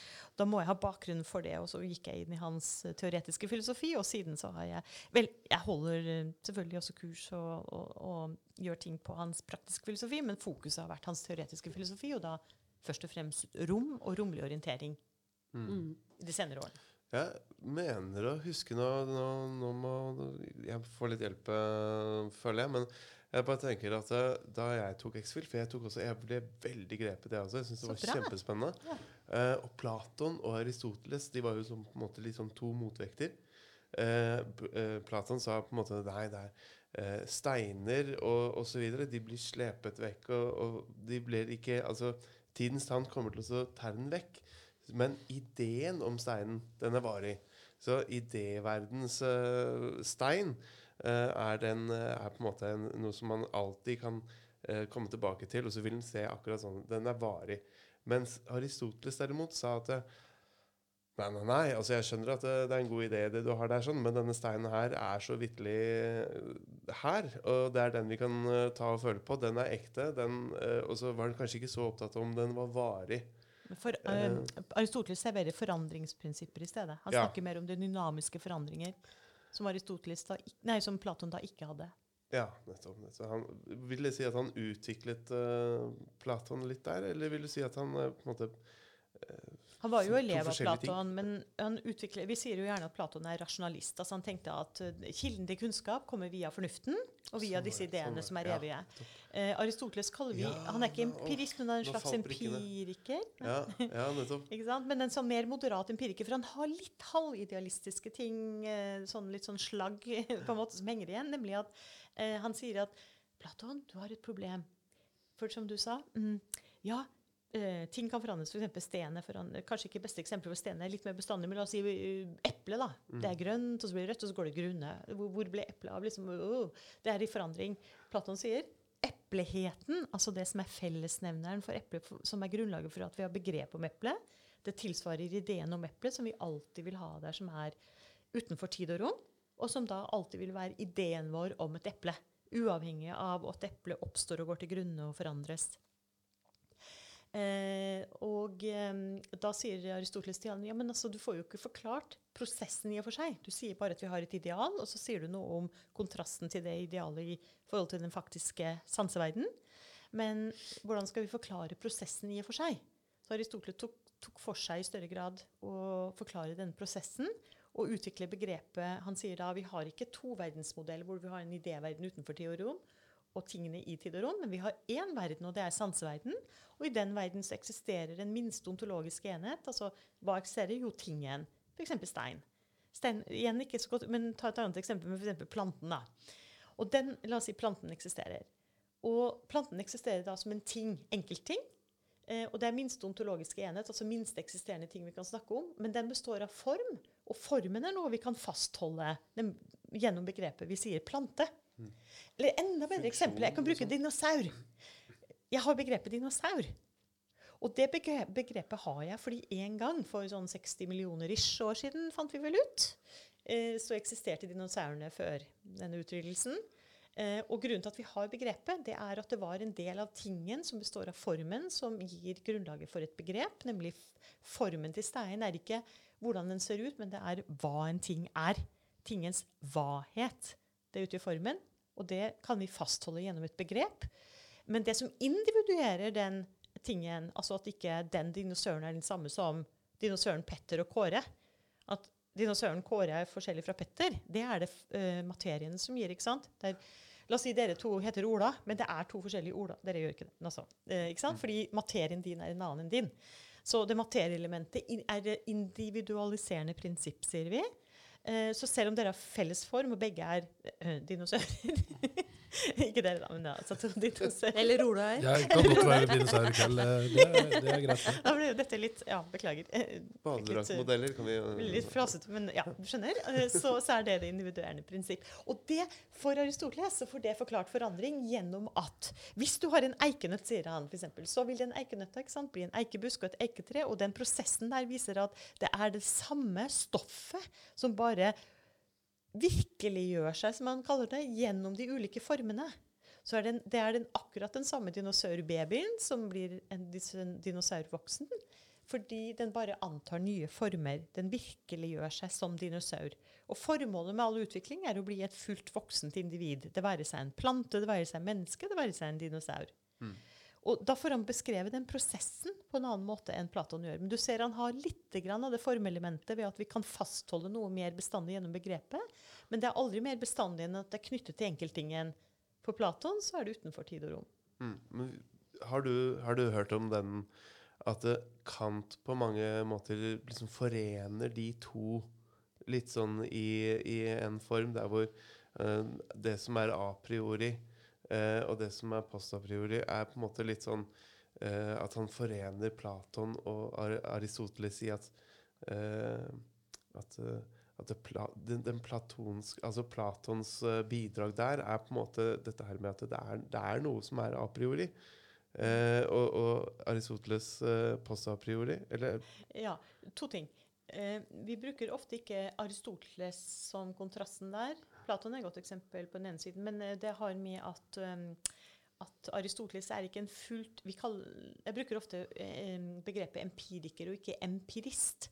Fordi Aristoteles som empiriker har fremdeles det formelementet som er litt nærmere knyttet til Platon, nemlig at vi kan ha noe eh, mer evig uavhengig av tingen i form av begrep, abstraksjon av formen fra stoffet gjennom begreper dinosaur f.eks., som vi har den dag i dag, selv om tingene er borte. Så om det ikke er en idé i Platons strikte forstand, så er det noe mer bestandig. Men vi kommer senere til empirister som David Hume, som sier at det finnes intet annet i bevisstheten enn det vi har fra erfaringen. Så alle våre ideer de må nødvendigvis, hvis det skal være ekte ideer i alle fall, ha grunnlag i erfaringen. Så hvis jeg skal ha en ekte idé om den koppen der, så er den eneste måten å bevise det på, eller å vise at det er en ekte idé på, det er at jeg kan vise at jeg har en umiddelbart inntrykk av den koppen. Og det har jeg. Og hvis jeg har et umiddelbart inntrykk av den, så kan jeg danne en idé om den også. Men det finnes en masse forestillinger vi har som ikke er ekte forestillinger. F.eks. For eh, en eh, Gullfjell. Det er, det er Jums eget eksempel hvor han sier jeg har forestillingen Gullfjell. Er det en ekte forestilling? Så kan jeg gå ut til verden og si nei, jeg ser ikke noe Gullfjell. Men så sier han dette er jo en sammensatt forestilling. Den består av gull og fjell. Hvis jeg deler opp en sammensatt forestilling i sine enkelte deler, enkeltforestillinger, nemlig ideen om fjell og ideen om gull, så kan jeg gå til verden og spørre har jeg et inntrykk av gull, har jeg et inntrykk av fjell, fjell? Og ja, jeg har inntrykk av begge deler. Ergo så er den sammensatte forestillingen ekte. Men som han sier, forestillingen om Gud, substans, identitet, sjelens udødelighet det er visvas. Det er metafysiske forestillinger som ikke er ekte forestillinger, som vi bare må avvise som tøv. Fordi vi kan ikke på noe nivå dele opp en ting slik at vi ser dens identitet. Så for eksempel din identitet. De fleste vil si ja, men jeg har en identitet. Så sier Hume no, you are nothing more than the, um, the bundle of impressions. Altså bunten av inntrykk av deg. Det vil si ja, du er en høy mann, mørkt hår ikke sant? Det kan begynne sånn. Og du har de og de egenskaper. Så kan vi putte sammen alle disse egenskapene. Så kan vi si det er deg. Det finnes ikke noe substans bakenfor, sier Hume. Hvorfor det? Fordi han er empirist, en klar empirist. Så han sier den substansen bakenfor der, den fins ikke. Vi ser bare alle disse, eller vi har bare inntrykk av alle disse egenskapene. Og, så det er ek ekte empirisme. og da sier vi at Kant han forener Eller klisjeen sier i hvert fall. Mm. Filosofihistorien på X-Fill sier det. Vi kan forene liksom denne type empirisme, da, at vi har eh, denne type sånn vi må ha inntrykk fra erfaringen, men så kan vi ha noe mer Igjen så går vi ikke tilbake til Platon, men vi går mer til Descartes og Ja. de, Men, nyere men. Descartes springer jo ut Eller lener seg jo på Platon igjen, Ja, det? men Altså, grunnen til eh, forskjellen er at eh, eh, Platon har en toverdensdualisme, mens Descartes har en tosubstansdualisme. Så Descartes er nærmere dette skillet mellom sjel og legeme, og ikke to verdener, idé- og sansverden. Så istedenfor idé- og sansverden, så får vi eh, Ja, det er for så vidt en idéverden, men det er sjelen, og så er det legeme. Og det er litt nærmere å snakke om mennesket når du snakker om sjel og legeme, enn når du snakker om to verdener. Så det er, um, det er riktig at det, det, heng, det, det er en sammenheng her, men det er også noen transformasjoner som er veldig viktige da. Mm. Um, og da sier mange, men det er igjen med visse kvalifikasjoner, men vi kan, vi kan, vi kan godta det, for det står jo en del sånne introbøker i, på X-Fill, selv om jeg kjører litt annet opplegg, men uh, at Kant da forener på en måte innsikten om at det finnes noe utenfor tid og rom som er a priori, som du sa. Altså a priori betyr det som går forut for erfaring. Jeg kan vite at én pluss én er to, uten at jeg må trekke med meg de to glassene her og si Se her, det glasset og det glasset, det er to. Fordi eh, kunnskapen om én pluss én er to, det er noe som er forut for erfaring med at vi har to glass som eksemplifiserer det. Og så har vi syntetisk a posteriori erfaring, sier Kant, altså det som går etter erfaring. Um, og det er hvis jeg sier at det glasset her er gjennomsiktig, for de som ikke er, ser oss nå, men jeg har et gjennomsiktig vannglass her. Um, og da kan prøve da kombinere det som er visse sånne a priori, altså strukturer vi har i bevisstheten forut for erfaring, med erfaringen selv. Men de strukturene, igjen, så er det ikke så lett å plotte det direkte fra Descartes og, og Hume, f.eks. Nei, ja, Hume, ja. Fordi Descartes snakker om medfødte ideer, og det gjør ikke Kant. Kant sier bare at vi har noen strukturer i hjernen som disponerer Han bruker ikke det begrepet, men de disponerer på en måte for forestillinger ved at vi får inntrykk. Han sier at idet jeg har et inntrykk av Han bruker ikke inntrykk, men idet jeg har erfaring, noe som framviser seg i verden, så oppstår samtidig disse strukturene. Og det er jo det, no, det nobelprisvinnerne våre, Edvard og May-Britt Moser, viste med rotters orientering. Da. Det var jo nettopp at orienteringsevnen vår i tid og rom, da rommet først og fremst uh, for de, men tiden er inne også, det var at um, vi har allerede en foreliggende struktur i vår bevissthet som aktiveres idet vi begynner å orientere oss i verden og får disse sanseinntrykkene. Så Kant sier jo det at disse oppstår samtidig, men grunnen til at han sier at strukturene er a priori, er at de foreligger allerede. De er ikke generert fra erfaringen. Og Det viste Moseparet òg, at det er så kort tid fra musa begynner, denne rotta begynner å gå rundt, til at den, den har den orienteringsevnen. At de kan ikke si at dette er generalisert ut fra gjentatte erfaringer. Og det var grunnen til at de ble interessert i kantiansk forskning på orientering i rom. Så jeg har snakket litt med dem om de tingene. da. Men eh, hva, er, eh, hva er forskjellen på filosofi og fysikk? Eh, fysikk er eh, hovedsakelig et empirisk fag. Einstein empirifiserte rommet. Rommet er noe målbart, ikke sant? Um, rommet som kromt rom, f.eks., det er noe målbart empirisk. Um, Kant vil si at rommet er a priori. Rommet er noe som allerede foreligger. Uh, men fysikere som Jeg driver jeg veileder en stund i disse dager om Kant og kvantemekanikk. Mange sier ja, etter kvantemekanikken så ble jo ikke Kant uh, gyldig lenger, for han snakka jo om euklidske rom og sånn. Mm, It's not that easy. Fordi um, i kvantemekanikken så er det sånn at um, du har en fenomenologisk avgrensning av fenomenet i det du måler det. Vi kan si at kvantetilstander er sånn, ikke sant? Du har den uavgjørbarhetsteoremet til Heisenberg. Ikke sant? En ting Sånn som denne katten den kan være død eller levende. ikke sant? Skrødingers katt. Men i det du måler det, så er det noe. Så da får du avgrenset det som noe. Og da viser um, Altså det er noe vi, vi er på en måte dømt fenomenologisk til å gjøre den type målinger, og idet vi gjør den målingen og bestemmer det som noe, så anvender vi jo våre perseptive kategorier. Så det er ikke så lett å avvise Kant på det beskrivelsesnivået, selv om det er visse andre ting som skjer på makro- og mikronivåer kvantemekanisk. Ja, det er en lengre historie. Uff, det er, ja, det, det er Ja, litt det sånn er, det, det- det er heftig. Det er heftig. Jeg vil bare berømme deg for å, å greie å svare på spørsmålet mitt, så, som jeg var eh, ikke så veldig godt uh, Nei da, men eh, det var Men- bare litt sånn uh, determinisme og Iman i møte med Immanuel Kant. Uh, opplever du eh, Kant som en som eh, snakker om fri vilje? Ja! Definitivt. Ja! ja! Han er en av de sterkeste forsvarerne av fri vilje. Og det går på at det, det er eh, eh, det, det sa jeg ikke i dag, eh, og det, det var litt et valg. Det var ikke noe jeg glemte. fordi Kant har et positivt og et negativt Jeg sa jo dette med ytringsfrihet, som har vært tema i dag. Mm. Og da bare tenkte jeg at eh, i hvert fall for å sikre meg at jeg kom gjennom ut fra tiden, og sånn, så tenker jeg at skal, jeg skal si litt om kampen. gå løs på Mill, for han er, klar, han er den som klarest sier noe om ytringsfriheten. Dens muligheter. Jeg kom ikke så mye inn på dens grenser, men jeg fikk sagt litt i debatten da, om, om dette skadeprinsippet, bl.a. Um, men men iallfall, tilbake til, um, til frivillige. Mm. Eh, For Kant så henger frivillig dypt sammen med hans frihetsbegrep. Og Kant har to frihetsbegreper. Han har det ene som han deler med mange andre liberale tenkere. Mill, Locke, um, kontraktteoretiske tenkere Det er litt selvfølgelig nuanser her, men sånn roughly så er det fair å si. Legitimt å si.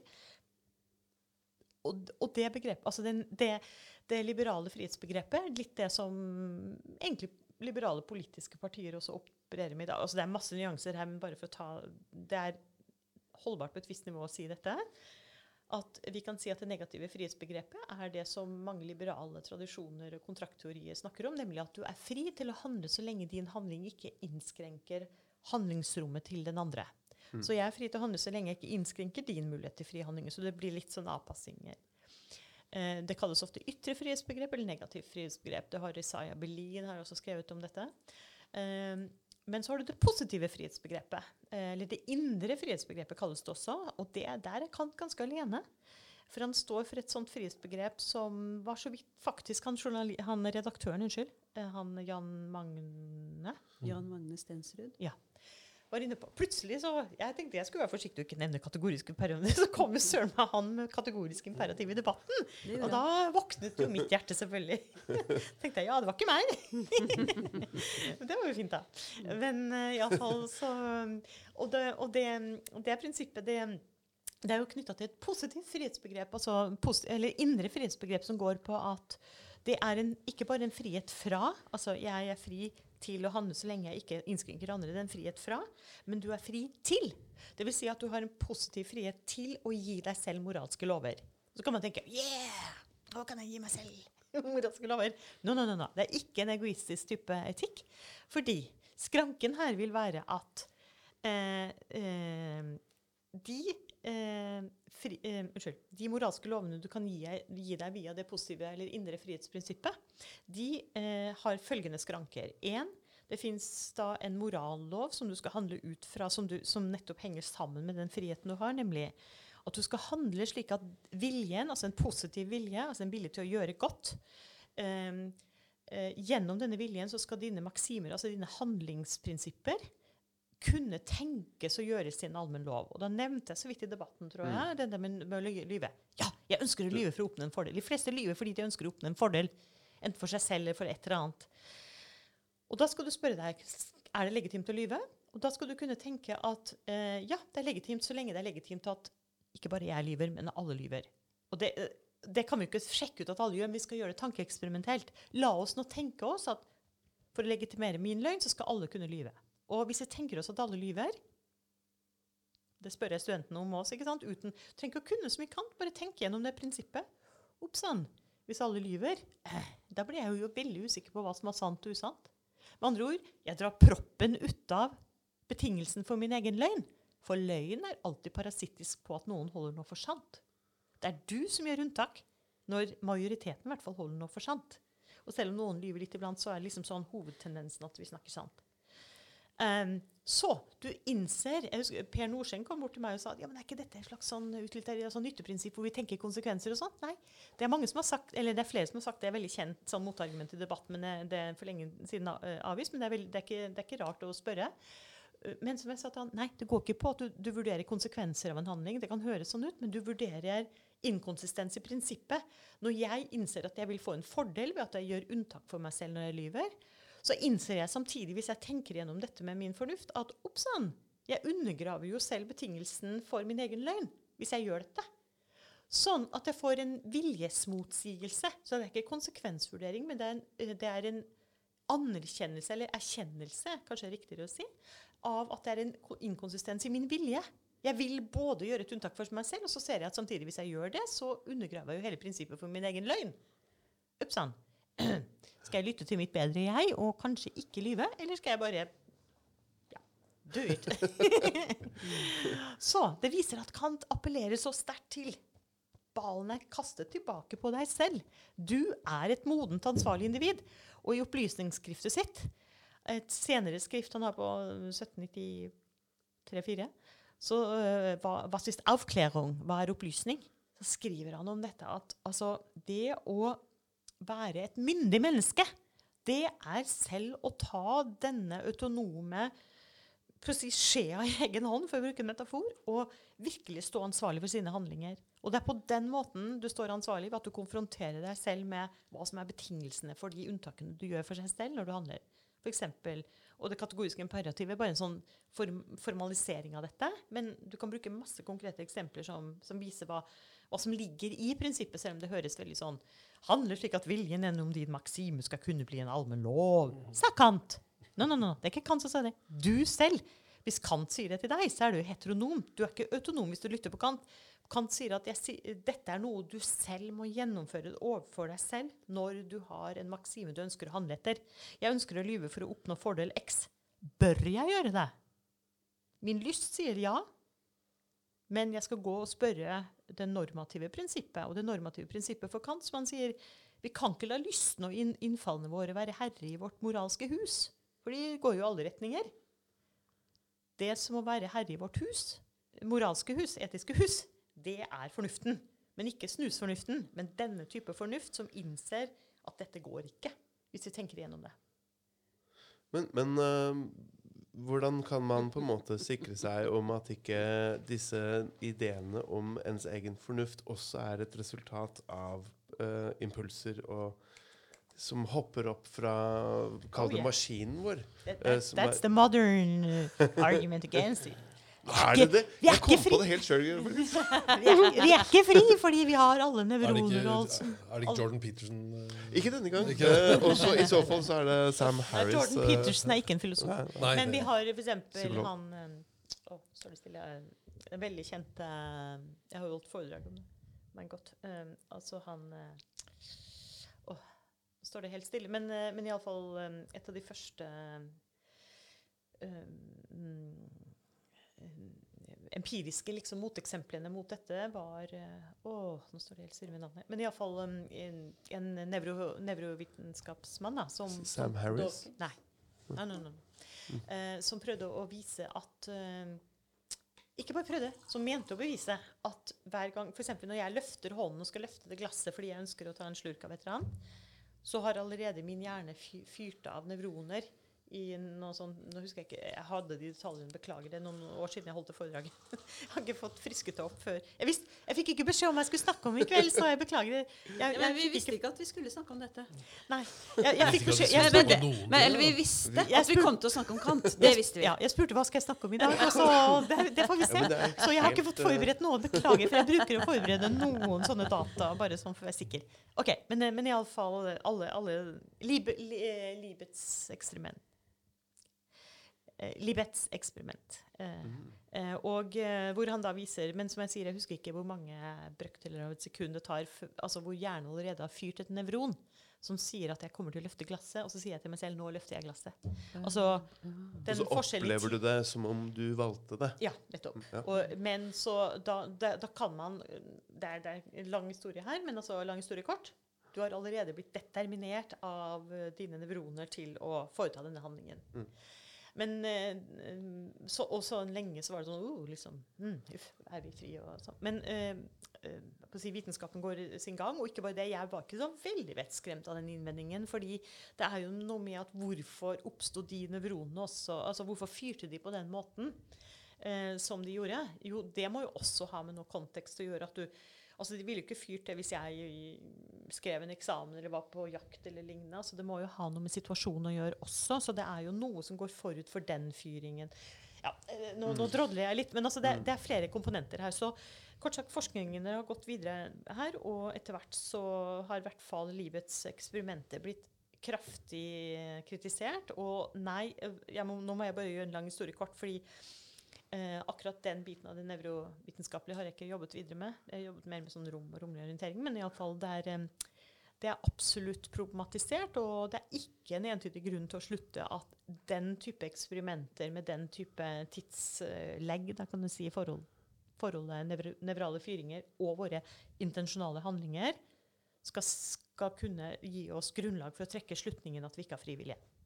Hadde Men, men, men, du, men du, du Absolutt, det er, det er relevant. Så det, Ja. det fins litteratur her hvis du ønsker å følge opp denne debatten. Holdt på å si, Hadde det ikke vært spennende om, eh, om Kant eh, var her nå til å kunne liksom svare på det spørsmålet? På, Kant ville nok ha holdt på at vi har fri vilje uansett. Det er jeg ganske sikker på. ja, ja, ja, ja. Da ville du måtte tolke fra Nei, tysk. nei. I, Ja, jeg leser tysk, Ja, eh, det- selvfølgelig. Men, hvis men, Kant var her nå, mener jeg. Så det måtte, og, så, noen måtte ha og, tolka. og jeg som alltid har tenkt at Kant, Å, men kjære Kant altså Han skriver kanskje ikke så veldig men han, eh, jeg tenkte å ja, den tyske må jo være helt sånn Hochdeutsch, og så viser det seg at han snakket en forferdelig tysk, fordi han er jo i Königsberg, som var en sånn enklave, ikke sant? Og den måten han snakket tysk på, var vel ikke helt Hochdeutsch. Leser du mye, mye litteratur? Altså mye skjønnlitteratur òg? Jeg gjorde, jeg gjorde, jeg var veldig fri, fri, ikke flink pikking, jeg, jeg, jeg slukte det i alle år massevis. Og så fikk jeg etter hvert, når du skal virkelig prøve å være på topp i faget ditt, så er det så mye litteratur. Altså du, det, det, det, det, og i hvert fall i kant. da. Og selv om det er veldig sånn spesifisert hva jeg er ute etter, så produseres så mye hele tiden. at også det var ikke et valg. Det var bare sånn tidsmessig sånn, Jeg satt og leste og leste, og til slutt var det mer og mer faglitteratur. Fag, fag, fag, fag. Og så Oi sann! Hvor ble, hvor ble skjønnlitteraturen av? Men jeg, men jeg er jo veldig interessert i skjønnlitteratur. Så, men det jeg merket de senere årene, det er to grunner. Det er ikke bare denne tidsgrunnen. Men jeg syns, iallfall når det gjelder norske romaner og sånn, så, og norsk skjønnlitteratur, så romanene f.eks. Og, og det, det, er, det er flinke og dyktige forfattere, og de, de er dyktige, men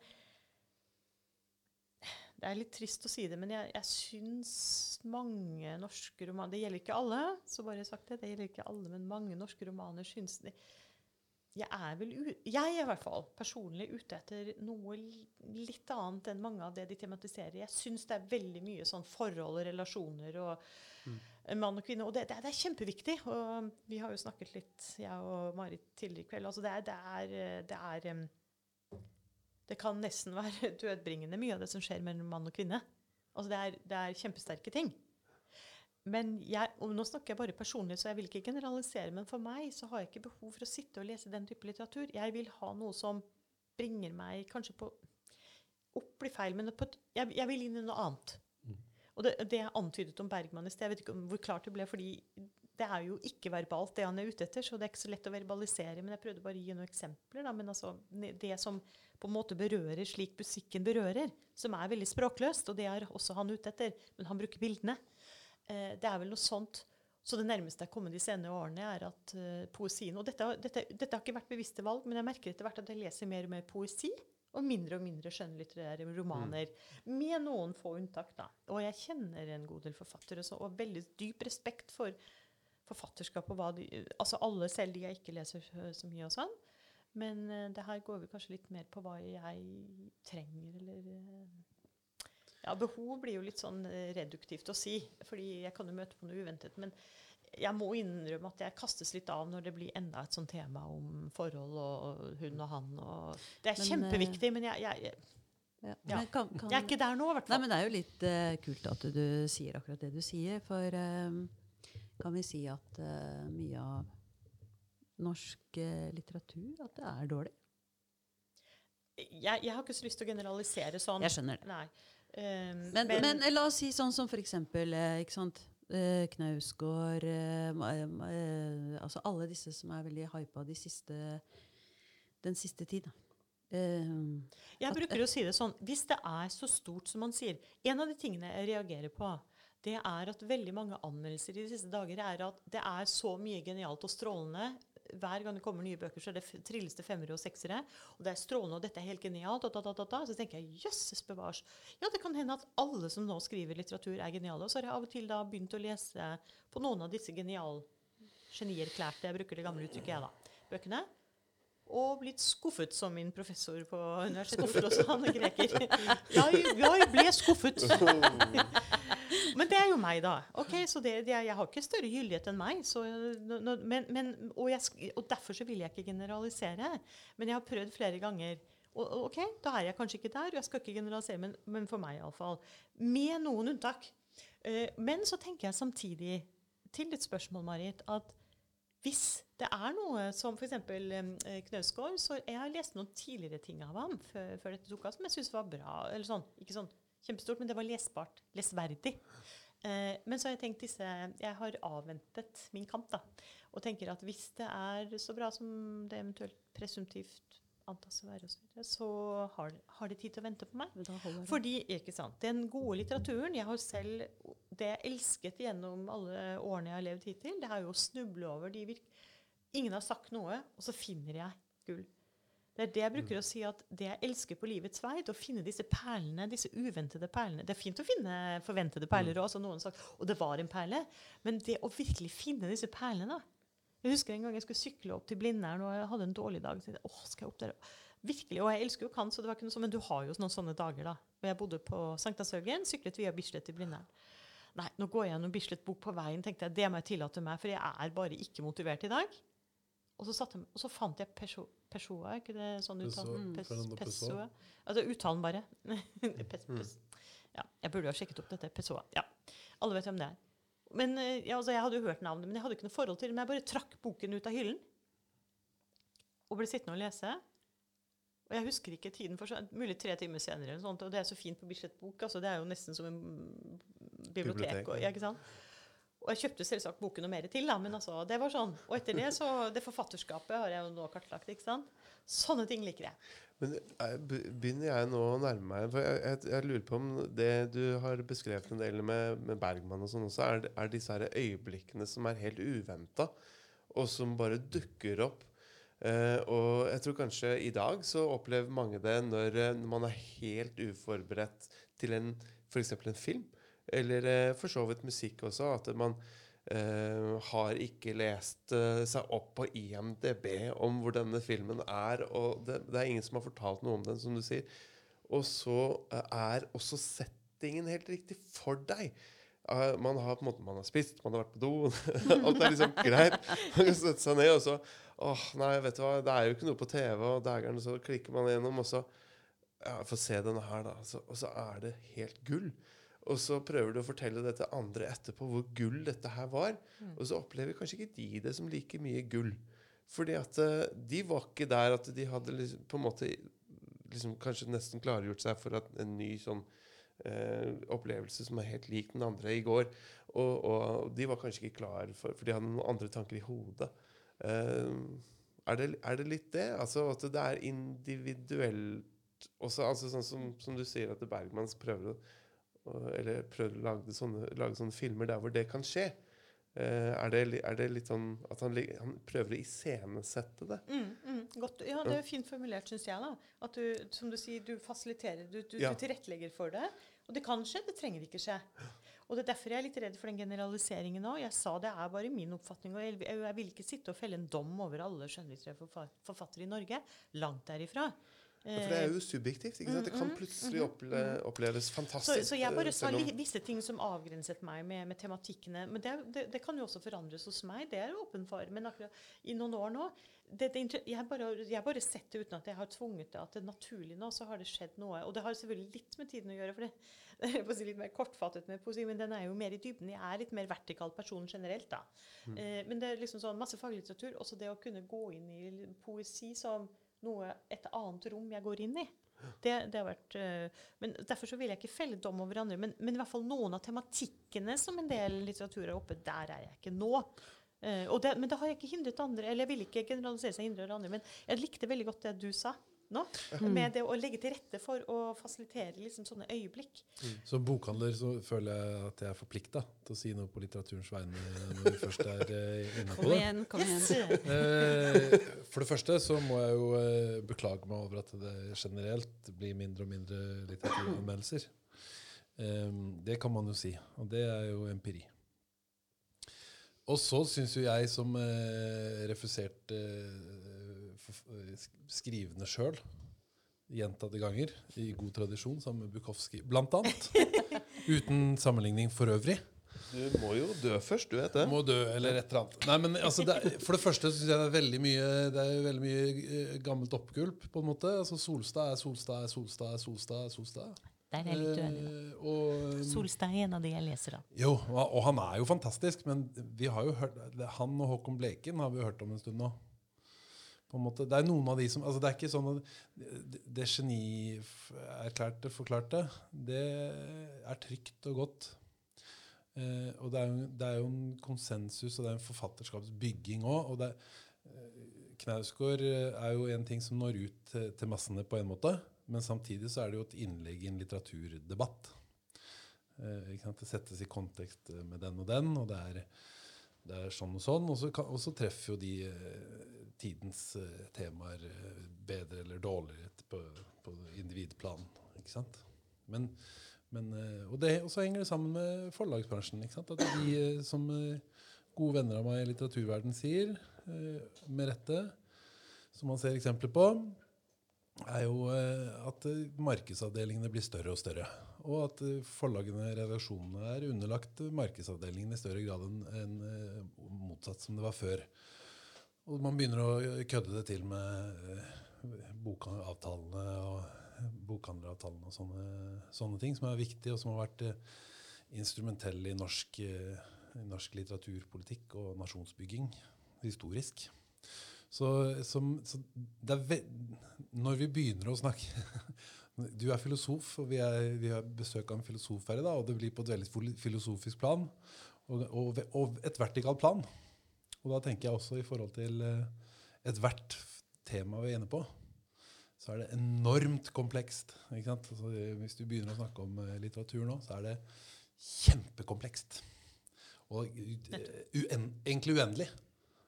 Et- Ethvert tema vi kunne tatt opp, er egentlig på en, i, en viss forstand helt uendelig. i forhold til hvilke, Derfor er jeg redd for å generalisere Ja, oss. Jeg ja. hadde bare en sånn Ja, ja, men det er Det følte jeg var min uh, forplikta bokhandler. Ja, Men, men det, med, det med å snakke om hele næringskjeden når man spør om eh, hva er god litteratur, det, det går an, det. Men eh, jeg, jeg tenkte bare litt på eh, Nå har vi eh, eh, hørt mye om, eh, om eh, ja, menn. Ikke sant?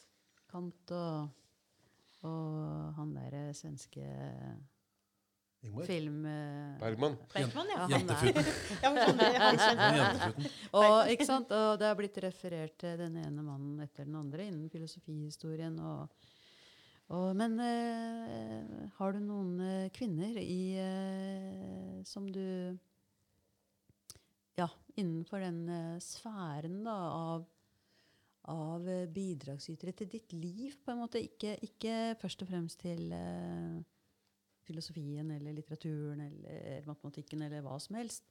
Men er det Mm, ja. Aller første var Pippi. Ja, Da jeg gikk i har du faktisk nevnt. Ja, jeg nevnte Pippi. Ja. Fordi på, i Astrid barnehagen kanskje? ja, jeg, jeg var en guttejente, og jeg, jeg er det i en viss forstand, selv om jeg kan kanskje se litt mer feminin ut, da, så, feminin ut nå. Altså sånn, Det ser kanskje ikke guttejente ut, men jeg, jeg har det mye i meg. Altså Jeg liker litt den der sånn Yes, la oss gå ut og løpe og finne på noe. sånn, altså det er jeg, vil, jeg er ikke opptatt av at det skal være noe sånn kjønnsbetinget, men jeg merker at det er tendensielt er litt sånn. I hvert fall var det sånn da jeg var barn. Og, og jeg, jeg tenkte jo, som jeg nevnte tidligere, jeg tenkte jo ikke over det når, når, um, når de gutta i nabolaget ringte på. Skal vi ut og leke, liksom? Og, det, og da Ja, ja, jeg kommer. Og så jeg har kutt i panna etter en sånn løpeomkapp da jeg var fire år, liksom. Og, ja. Um, fordi jeg hadde sånn oljebukse, som vi kalte det. Når det regnet, så hadde vi sånn um, Mm. vi Sånn kalte det regn- oljebukse. ja, dere vet hva det er. sånn- Altså sånn regnbukse ja, med sånn strikk under. Som, jeg hata det, for jeg elsket å løpe. Og det, du, du kunne jo ikke løpe fort med sånn bukse, for den var jo sånn hang rundt beina dine. liksom. Så, så jeg snublet i den. og da, da, da. Men eh, det var alltid noe som sånn, liksom, sånn competition, eh, altså konkurranse og ting som foregikk, og man lærte noe. Og, og, og med over årene så har jeg ubevisst hatt mest mannlige venner. Og jeg tror det, det finnes jo unntak, og det ser etter hvert Og det syns jeg med kvinner når de blir voksne, at da finner man mer ut av hvem som er interessante og ordentlige. Men det, jeg syns de gangene jeg prøvde å være sånn eh, Sånn, eh, sånn eksempel, Nå har vi kvinne, jentekveld, eller hva de kaller for noe. Det er veldig, jeg kan, jeg kan telle på en hånd de gangene i livet jeg har gjort det, og, og jeg har alltid følt meg helt utafor eller uvel. Altså fordi det er så mye Og, det, og det, er så, det er så mye omtale av andre. Og jeg sitter og tenker, det, altså, jeg må ikke nødvendigvis snakke filosofi, så det er ikke sånn at jeg er så sær. Men et eller, et eller annet annet.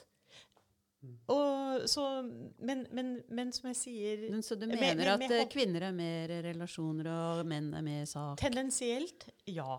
Men, og da vil jeg understreke et, stor, understreke et stort men, for heldigvis over årene nå, og særlig kanskje i de senere årene, så har jeg møtt utrolig mange flotte damer hvor det virkelig går an å sitte og, og ha altså Jeg må ikke bare gjøre det, men altså hvor du virkelig så, så de finnes, men jeg syns nok kanskje at jeg må lete litt mer etter det. Og, og i hvert fall når de kommer sammen, sånn, så blir det en sånn greie. Men det, det er meg, da. Og jeg, jeg, jeg, er, ikke så flink, du- jeg er ikke du- noe flink til det. Hvis du skulle trekke frem en uh, kvinne som du har møtt Ja, på din vei og så, så det var Pippi først, da. Ja. Eh, på barnehagen. Og, og vil være prinsesse', det er liksom sånn. Og jeg er sånn eh, Nei. OK, jeg husker jeg prøvde en sånn prinsesse på barnehagen jeg gikk, så hadde de masse sånn, sånn kostymer i annen etasje, og det var litt sånn hemmelig. Vi fikk gå opp i de kistene og åpne de.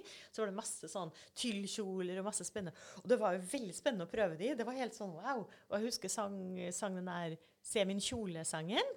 Se min kjole, jeg da, da, da, da. Jeg tror det var noe postbud rød kjole, og det var veldig sånn søtt. Men det var det lengste jeg kom med å være litt sånn søt pike, da. Eh, men, men det prinsessegreia det, jeg, virkelig, Og da var jeg jo bare fire-fem år gammel. Jeg identifiserte meg aldri med det. Fire-fem-seks, et eller annet. der. Jeg er helt på linje med deg. Ja, Eller ja, og det, aldri og gjort det, og det, ikke sant? Jeg hadde ikke noe metakognisjon på det, men altså den gangen var sånn Nei, jeg vil være Pippi, husker jeg. Jeg husker jeg var litt sånn, og mamma, Da husker jeg mamma brukte leppestiften for å få fregne på meg. og så stod, Jeg hadde langt hår, så jeg tok de flettene ut med noe sånn, sånn ståltråd eller noe sånt. Og ja, det, ah, det var skikkelig kult med noen strømper og sånn. da. Og jeg elsket Pippe, og hun var så sterk, og det var så spennende med denne negerpappaen som vi ikke får lov å snakke om i dag. Altså, det, det var jo ikke noe i det hele tatt Jeg skjønner jo konnotasjoner og sånn senere, men som barn så var jeg sånn så, Hun har spennende pappa, hun! Hun har jo en sånn negerpappa som er sånn konge. Det er ikke noe som er så kul som en kul pappa. Ikke sant? Og hun hadde verdens kuleste pappa. Vi hadde hele pappaene som kom hjem fra jobb hver dag. Liksom, sånn, hun hadde jo den pappaen. Og så skjønte vi aldri helt hverken hvor han var, hvem han var. Men så, ikke sant? Det var den der mystifiserte. Og det var jo så spennende, for det trigga jo fantasien noe enormt. Ok, jeg vet, Mange syns sikkert det er kontroversielt. Jeg, jeg, jeg skjønner selvfølgelig hvorfor man er ute etter men, men, men det der safe spacene man snakker om nå, det, det ville verken Mill eller Kant ha vært med på. Det er en lengre historie som vi kan ta en annen gang. Em, Uh, men Tror, eh, tror, tror du det for øvrig er på vei Mill ville aldri ha snakka om safe space. Nei. Fordi han sier da skal vi konfrontere argumentene. Ja, ikke sant? Da skal vi, da skal vi ta det ut i det åpne rommet, og så konfronterer vi det. Uh, så det, jeg, jeg, er imot det. I en podkast, ville han sagt. Eventually. Men så neste. Uh, så det var Pippi. Det, det var den første sånn eh, hvor jeg husker det var en sånn Jeg jeg tenkte jo ikke kvinnemann, men altså hun, hun, nå ser jeg jo at det var en kvinnelig helt. da. Mm. Neste som jeg kan huske som liksom sto ut, det var Jo, OK, jeg leste disse historiene om bøkene som jeg elsket. Ja. Eh, Madame Curie og Ja. ja. Så Madame Curie og Florence Nightingale Det var jo flere, Mm. men det var de to sto ut for meg som sånn Wow. Madame Curie og Florence Nightingale. Men det var via lesningen, da. Eh, så de, de var sånn åh, og, og, altså Mer enn bare lest om det, men det burde satt seg litt sånn spor i bevisstheten. Men så kom neste, og det var veldig avgjørende, kanskje sånn, mer sånn ingrained, da, litt sånn som Pippi egentlig sånn i barnealder, og det var eh, Virginia Woolf. A Room of Ja. One's Own. Det er ekstremt stor betydning for meg, gitt en del ting i mitt liv. Uh, ja, betingelser for uh, Kort sagt, ha sitt eget rom. Mm. Så det var en, et stort ønske for meg å få, få den, det, det rommet for fred og ro. Og fokusere. Jeg hadde, jeg hadde en drøm i livet, og det å få fred og ro til å sitte og lese bøker. og jeg hadde ikke noe andre, jeg hadde noen drømmer om mann og familie og biler og hus og båter osv. Jeg hadde ønske om masse bøker og å få sitte i ro og fred og lese. Det har du fått til. Det har jeg gjort. Jeg deilig- så deilig drøm. Ja, virkelig. Og så fint å få til det. Ja. Og det gjorde jeg. Og jeg valgte til og med å ikke bo på studenthybel. fordi jeg, jeg, jeg kan godt, eh, De som kjenner meg, vet godt at jeg kan ta en god fest. Jeg liker det. Men jeg vil selv vite når eh, Altså, nå velger jeg å gjøre det, men da vil jeg vite også at når jeg trekker meg tilbake, så er det fred og ro. Altså At jeg ikke risikerer noe sånn. Bli med, sånn. Altså, det er ikke det at jeg ikke ville være spontan, men, eh, men eh, jeg, ville ha, jeg ville ha den sikringen om den roen, da. Så Virginia Woolf sin bok, Room of One's Own', hadde en ekstremt uh, altså Det var ikke bare boken som var velskrevet og bra, og da leste jeg resten av forfatterskapet hennes også, men, men den hadde en eksistensiell betydning for meg. Mm. Som en sånn noen jeg kunne snakke med. Mm. Mm, eh, senere i løpet av filosofistudiet, ja, det var mye Kant, det må jeg innrømme. Men ikke bare, selvfølgelig. Man må jo lese mye annet og jobbe mye med logikk også, mer enn bare på filosofi. Og, men øh, øh, hun øh, Simone de Beauvoir Mm. var en av de øh, Ja, hun er feminist, men jeg syns hun skrev sånn mer interessant eksistensielt. da. Eh, eksistensfilosofisk. Eh, jeg har vel kanskje aldri, jeg liker ikke sånn som bare blir sånn politisert og liksom det holder seg bare der. Jeg må ha noen, noen litt sånn dypere begrunnelser. Eh, og den, den forståelsen hun har av kjønn og sånn, er interessant. Men det betyr ikke at jeg er enig med henne. For senere så har jeg undervist i feministisk etikk og fått med mm, Virginia Held og Philippa Futt og andre. Og da ser jeg jo at um, det er jo ikke nødvendigvis det perspektivet hvis du skal ha en så feministisk perspektiv som er interessant, men, men, men hun skrev jo mye mer enn det. ikke sant? Hun har jo romaner. altså um, 'Mandarinene', f.eks. Så, så både hennes eksistensfilosofi, men også det som da gikk over i litteraturen, så, så, så var hun veldig viktig for meg en periode. Og jeg husker jeg leste Susanne Brøgge, men det syns jeg var mer sånn wow! Uff, oi, oi sann! Ja, dette var et liv! altså hun var jo, Nå har jo Alf van der Hagen Ja, skrevet en biografi, ikke sant? men jeg husker jeg leste, men det var litt sånn Jeg kan kanskje ikke si at hun hadde betydning for meg sånn, men, men det var litt sånn fascinerende. Det, så jeg husker jeg var litt fascin Det var, var jo mer en sånn fascinasjon Eller skrekkblandet fryd. Kanskje. For hun hadde et sånt liv som var liksom helt sånn vansinnig for meg. Mm. Men hun Karen Bliksen Ja. og for eksempel Syv fantastiske fortellinger. Eh, det syns jeg var en fantastisk for forfatter. Eh, også den fortellerevnen til Garen Bliksen er helt unik. Og hun var sånn som ikke eh, liksom diller med, med leseren. Så hun kan skrive ting? Plutselig så kommer det lange latinske sitater, og så skriver hun litt på dansk igjen, og så kommer det litt fransk, og så liksom bare sånn You gotta know this guy. You know? Altså, skikkelig tøff dame. Altså, den, den afrikanske farmen var den Jeg tror jeg bare har sett filmen der, men, men Syv fantastiske fortellinger, for eksempel. Helt utrolig gode. Veldig, veldig gode fortellinger. Det, det burde man lese, rett og slett. Det, var, det husker jeg var veldig fascinert av. Jeg har det i butikken. Ok. Du, har, du lest, har du lest den? På bøker med mer har jeg det. Har du lest den? Ja, jeg har lest alle bøker som jeg har i butikken. Veldig bra. Pleier Veldig- pleier jeg å si Nå skal det egentlig være sånn eh, pling, vet du, reklame. Kan vi ikke ja, sånn. Bøker med mer. Stortingsgata 9. Nei, ikke Stortingsgata. Oh, jo, Det var å ta av. eh, Det var å ta Da har vi virkelig Nå har vi Storgata var det. Ja, Ja, og Hanne Arendt for eksempel, er jo også en Ja, viktig filosof. eh, Ja. Sånn, så det er, det er absolutt det. det mm. Jeg, jeg synes kanskje det har vært litt sånn nå Ja, og så har jo Kant eksempel mye altså brevutveksling med flere kvinnelige tenkere. Eller, ja. Men noen av disse moderne, da? De moderne sånn med dekonstruksjon og alle disse rare tingene. Du kan si at dekonstruksjon i det hele tatt innen filosofien har aldri helt uh, truffet mitt hjerte. Nei. Så det har ikke noe med damer og menn å gjøre. Det har med dekonstruksjon å gjøre. Ja. Ja.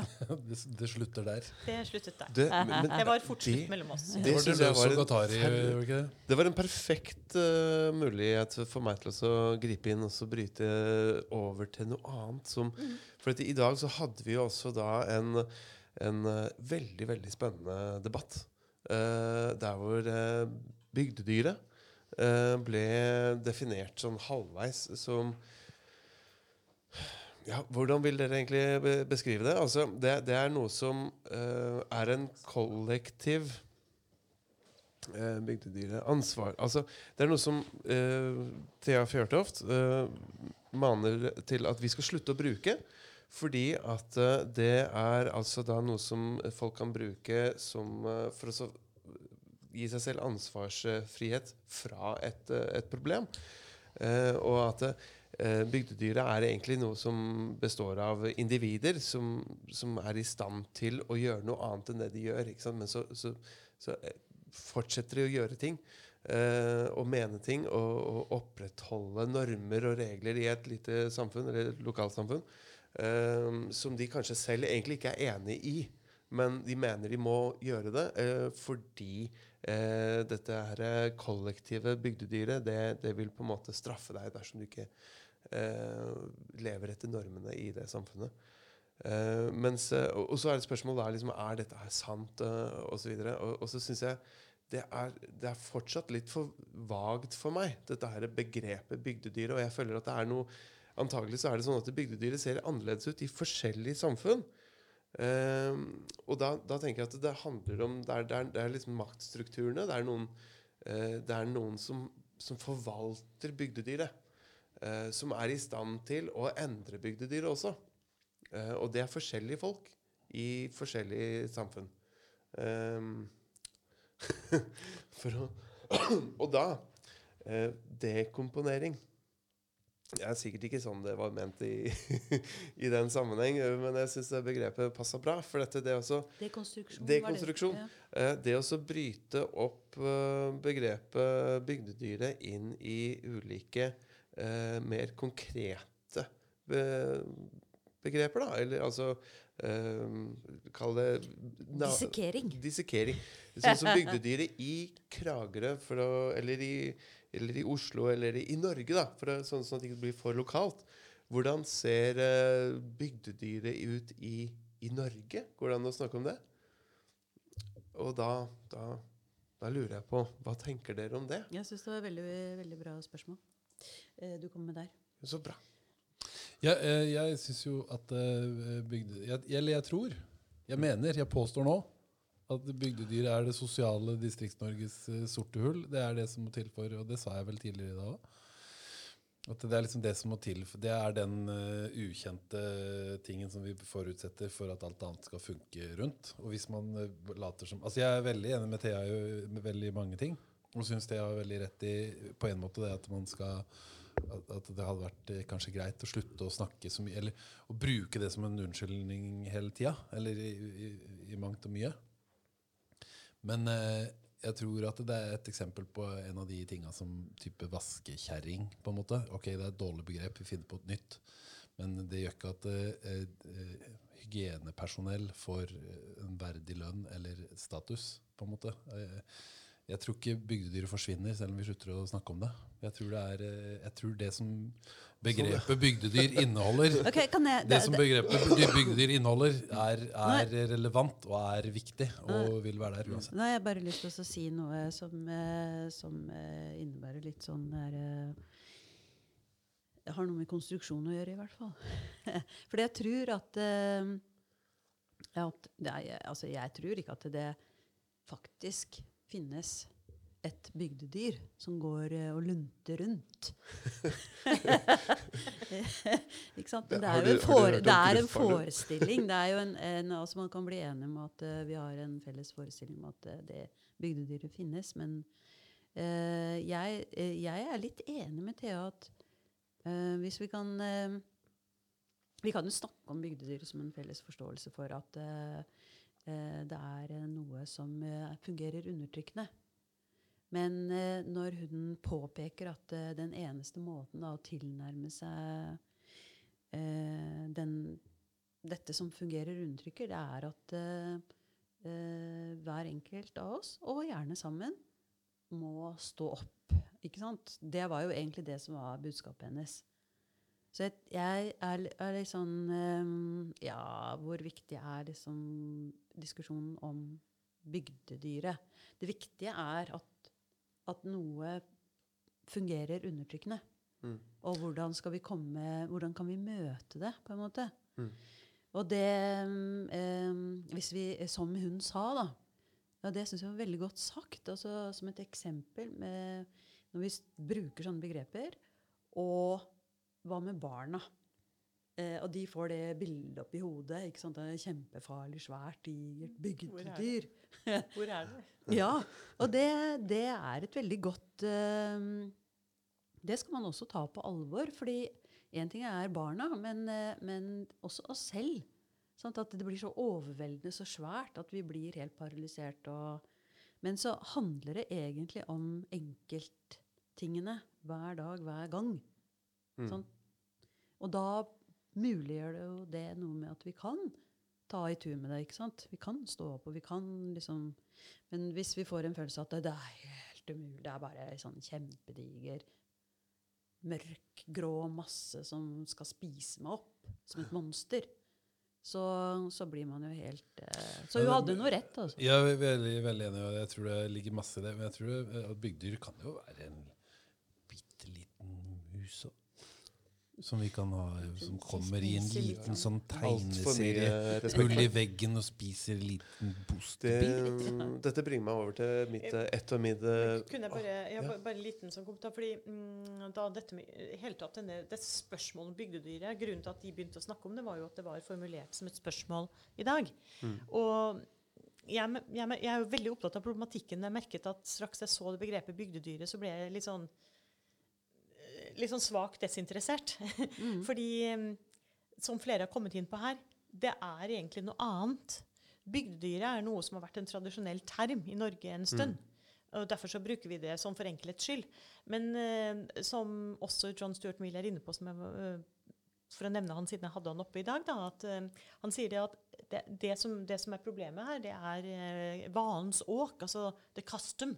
Altså det at man er vant til å tenke på en bestemt måte. Og to, eh, majoritetens åk. Altså at når majoriteten tenker slik, så er det sånn du òg kom igjen liksom i folden her og tenker sånn. Ikke fordi det er veldig gjennomtenkt, men fordi alle liksom eh, har en slags konsensus om at det er det vi tenker, uten at det er gjennomtenkt. Eh, så mm, det er det ene. At eh, det er ikke et bygd... By, eh, jeg syns det er en dårlig metafor, nettopp fordi det blir veldig sånn For det første er det knyttet til bygda. Det finnes ikke bare i bygda. Som du sa, det kan være alt fra en mus. Det finnes på filosofiske institutter i Norge, f.eks. Eh, og to eh, Eller på faglige institutter. Eh, to, eh, det er mer enn eh, eh, si, det, det dyr nettopp som det har vært snakket om, og som hun Thea sa også. Ikke sant? Det blir som om det er noe sånn avgrenset.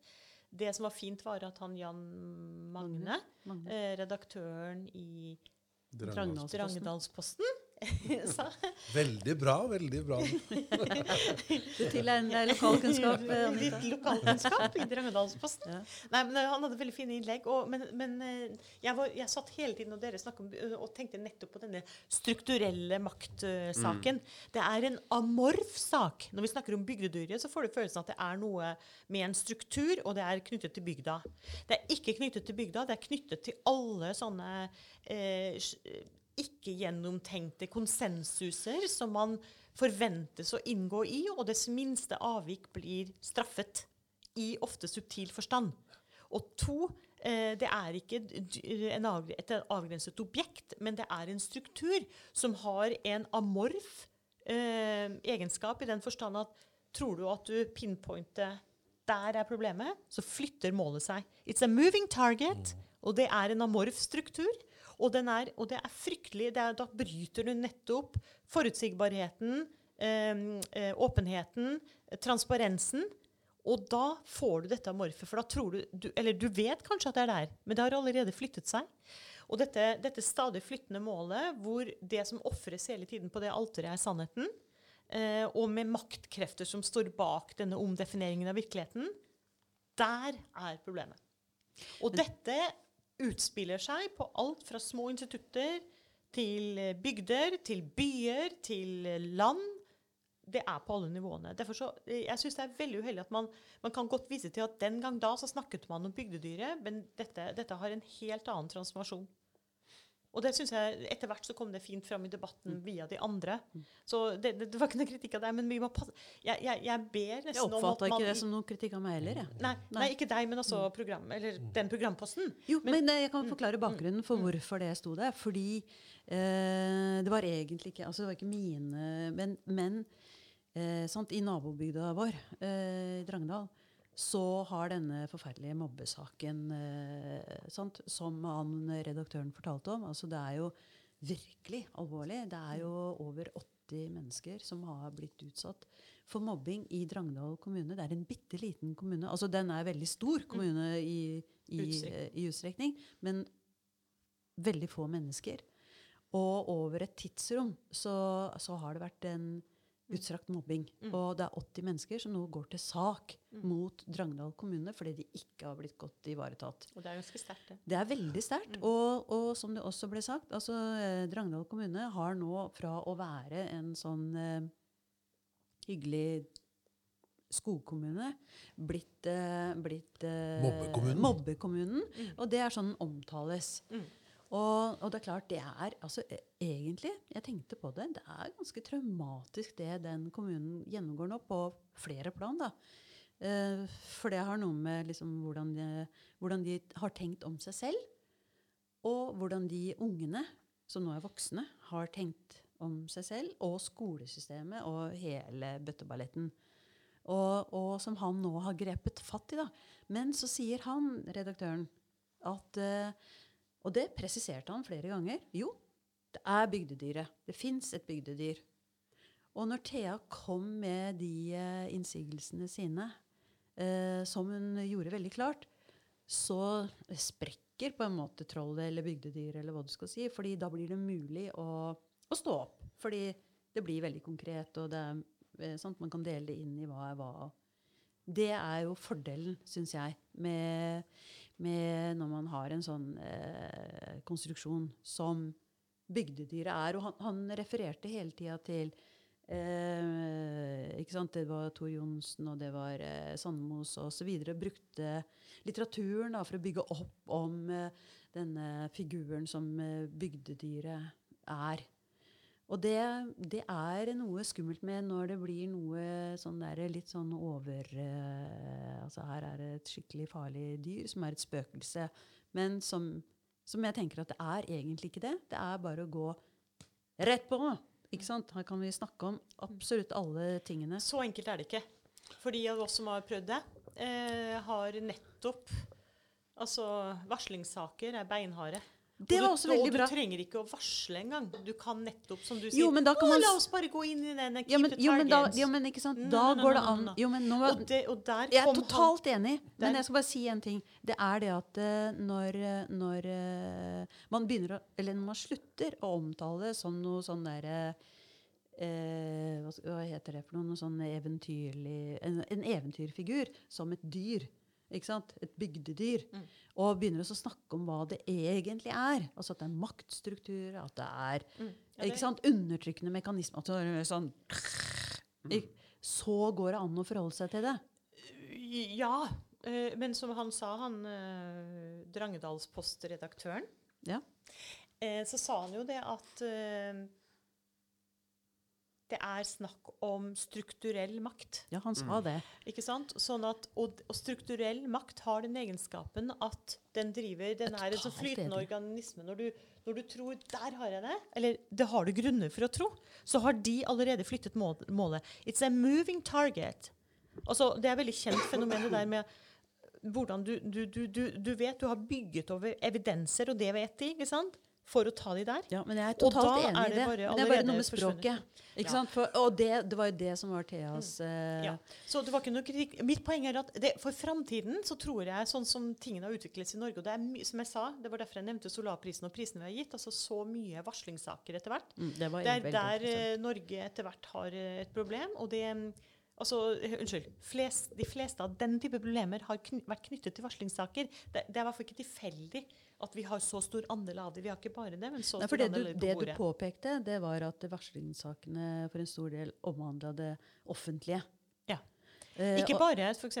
Siemens, han eh, eh, som, altså varsleren i Siemens, eh, som både fikk Fritt Ords pris og Solarprisen.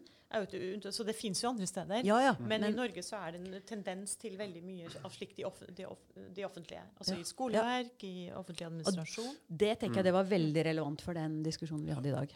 Vi kom altfor lite inn på det. Men jeg, må bare si, jeg, altså, jeg, jeg tror jo at uh, det kan være en god strategi.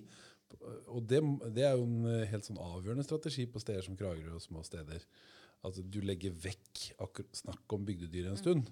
At, at det kan være en sånn midlertidig strategi for å på en måte eh, hevde din rett eller komme til, til, til, komme til orde eller, eh, eller eh, få til noe i det hele tatt. Det tror jeg kan være veldig viktig. Men at man sånne eh, sånne fenomener som eh, bygdedyret nå har blitt et begrep på, godt eller dårlig, det er jo bare det at det, det er noe man aner. Det er Gud, på en måte. Det er noe du har en følelse av at finnes, og så eh, kaller du det det. Og, det, og det, det vil jo alltid være der, på en måte. Ja, det- men jeg, jeg tenker at dette også henger litt grann, eh, sammen med en annen oppfatning som kanskje for, for jeg er jo innflytter. Jeg kommer fra Asker.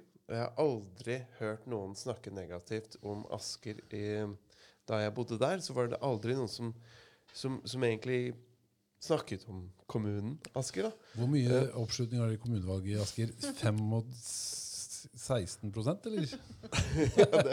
Hvor stor følelse av identitet er det i Asker, egentlig? Og vi, eh, vi, eh, vi er en del av Viken, vi. Dere er en del av Viken, dere. Nei da, men det, Eh, Jeg tror poenget mitt er, er på en måte det at, eh, at eh, etter at jeg flyttet til, til Kragerø, så ble jeg på en måte oppmerksom på for første gang at det går an å skylde på kommunen. Eller skylde på stedet. Og at det er sånn at Å, der, dageren er, ja, Min business gikk ad undas, men det er jo Kragerø, så det var ikke noe å vente, liksom. Og så Nei, det, det var ukjent for meg. Eh, og det Det er ukjent for meg òg. Det er det som gjør at vi overlever her i det hele tatt. Eh, Altså, det, vi kan ikke ta oss fra det. bra. Kan ikke ta det ansvaret selv og si 'nei, vet du hva, ideen var dårlig', eller eh, et eller annet sånt. Liksom. Nei, det er Kragerøs skyld. Det er godt å dra. Jeg skal dra hit jeg, hvis jeg skal prøve nå.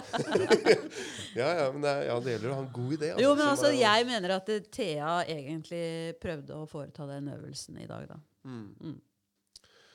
Um, Jeg prøvde, Jeg jeg prøvde på det motsatte, for øvrig. Altså, jeg, jeg prøvde å skylde alt på rådkvinnen eller eh, rådmannen eller eh, Rådville. kommunedirektøren Ja, men, ok, eller kommunaldirektøren eller hva hun ville. Altså for der, Da er du inne på noe. ikke sant? Altså det, det, vi snakker om maktstrukturer, og det er kanskje formell og uformell makt. Og, og det er på en måte noe det, det oppleves som om dette opprettholdes av eh, en eller annen eh, Noen som forvalter denne her makten.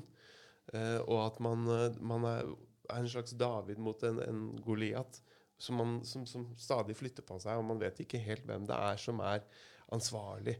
Eh, da, men da tenker jeg at hvis man skal prøve å finne ut av hvordan dette her eh, manifesterer seg i den enkelte eh, plass, så kan man kanskje nettopp eh, se på hvem er det som har mulighet til å gå ut og si Jeg opplever sånn at det er eh, en, en gjengs oppfatning om at man ikke får lov til å snakke om dette, det, dette temaet, et eller annet tema. Eh, at ikke det er en reell ytringsfrihet, f.eks. Uh, hvis, I Kragerø så kunne man snakket om at kanskje kommunaldirektøren kunne gått ut og sagt eh, alle ansatte i kommunen får lov til å si eh, Altså delta i debatt. Og at de kan få lov til å svare på spørsmål i, på Facebook, f.eks. Eh, og, så, og så kunne hun kanskje sagt eh, Nå skal jeg gå hjem og gjøre det.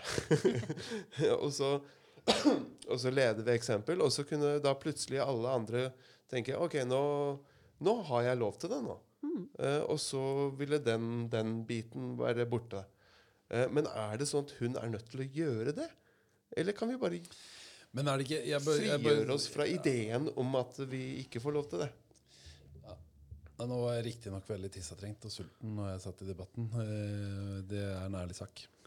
Så jeg blei ekstra sur. Men eh, jeg, jeg, eh, kan ikke rådmann også Eller unnskyld, unnskyld, unnskyld. Det var ikke meninga å si rådmann i det hele tatt. Kommunedirektøren. Det er jo veldig fint hvis kommunedirektøren for en gangs skyld også kan være med på Hvis noen av de som sitter i de stillingene, kan være med på en helt prinsipiell, grunnleggende diskusjon om hvilke muligheter Altså jeg er enig, jeg, jeg er enig Vi har snakka om det her før. ikke sant? Og, jeg, og jeg har tatt på meg Jeg, jeg, innrømmer mye av den eh, observasjonen du har sett. Vi er glad i å skylde på kommunen i Kragerø. Men det er også fint hvis noen altså, Nå er jeg ekstra var og sur og følsom på de tinga der. Men, men det er også fint om politikere og administrasjon kan være med på prinsipielle debatter om La, la oss tenke om hva, hva, hva kunne ha skjedd, da? Hva Ja, det synes jeg er et veldig godt spørsmål. hva, jeg kunne kommunen, å- hva kunne kommunen ha vært med på? mener jeg Altså, prøvde å kaste inn litt sånn i dag. Hva kunne de gjort? Istedenfor Ja, å sitte og dekke, dekke sin egen eh, Jeg fikk lyst til å si bak, men jeg skal ikke si det. Jeg skal si ræv. Eh, eh, hele tida. Å, ha, å være så opptatt av det istedenfor å, ha- å ha en prinsipiell Altså, ytringsfrihet, det var det jeg er viktig for meg. Det er kaotisk. Det må være, det må være liv. Det må være liv og røre. Vi må være gærne i ytringsfriheten. Og gærnere enn det. Vi skal ikke forholde oss til Vi skal ikke være ryddige og pene, og så alle skal snakke riktig og filosofisk. Og det skal være liv. Det Det sier jo John Stuart Mill også. Det skal, altså alle de som er eh, rare og skrå og all, velger en pussig livsform, har rare ideer og sånn. Han tenker at hvis de får ikke bare som en sånn gut feeling-gulp, men at de kommer med velbegrunnede standpunkt for det de holder på med, så er det noe som kan lære et, som man sier, som jeg sa, da, at denne vanens åk og denne majoriteten som bare liksom tilslutter seg hverandre og så holder sammen, at det er en måte å utfordres på tankemessig. Så, mm, så det, en type farger, for å bruke den metaforen, fargerikdom er noe som, som vil mener vi, vi skal skal, et- løfte opp. Da. Det skal være troll, ikke sant? Og vi skal ikke, man skal ikke sitte her og tro, altså, Man skal ikke sitte og trolle trollet. Ja. Det er viktig. Det skal være troll. Ja. De skal få du- lov til å spekke jeg, jeg, jeg tenker litt på Eller det tenker jeg veldig ofte på. Faktisk. Nesten alltid så tenker jeg på det. At ja, vi har eh, Vi kaller oss for et demokratisk samfunn. Og eh, nå er jo Vi har forskjellige politiske ståsteder. eh, Selvfølgelig har vi det.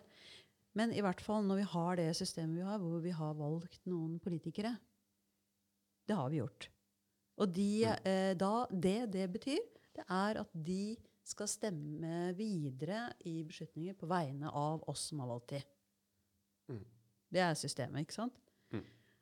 Og når, sånn som Unni Wærstad, som eh, er politiker, sier det at men hun får ikke lov til å snakke Eller de som jobber i kommunen i lederstillinger eller mellomlederstillinger eller fagstillinger, de får ikke lov til å snakke med henne.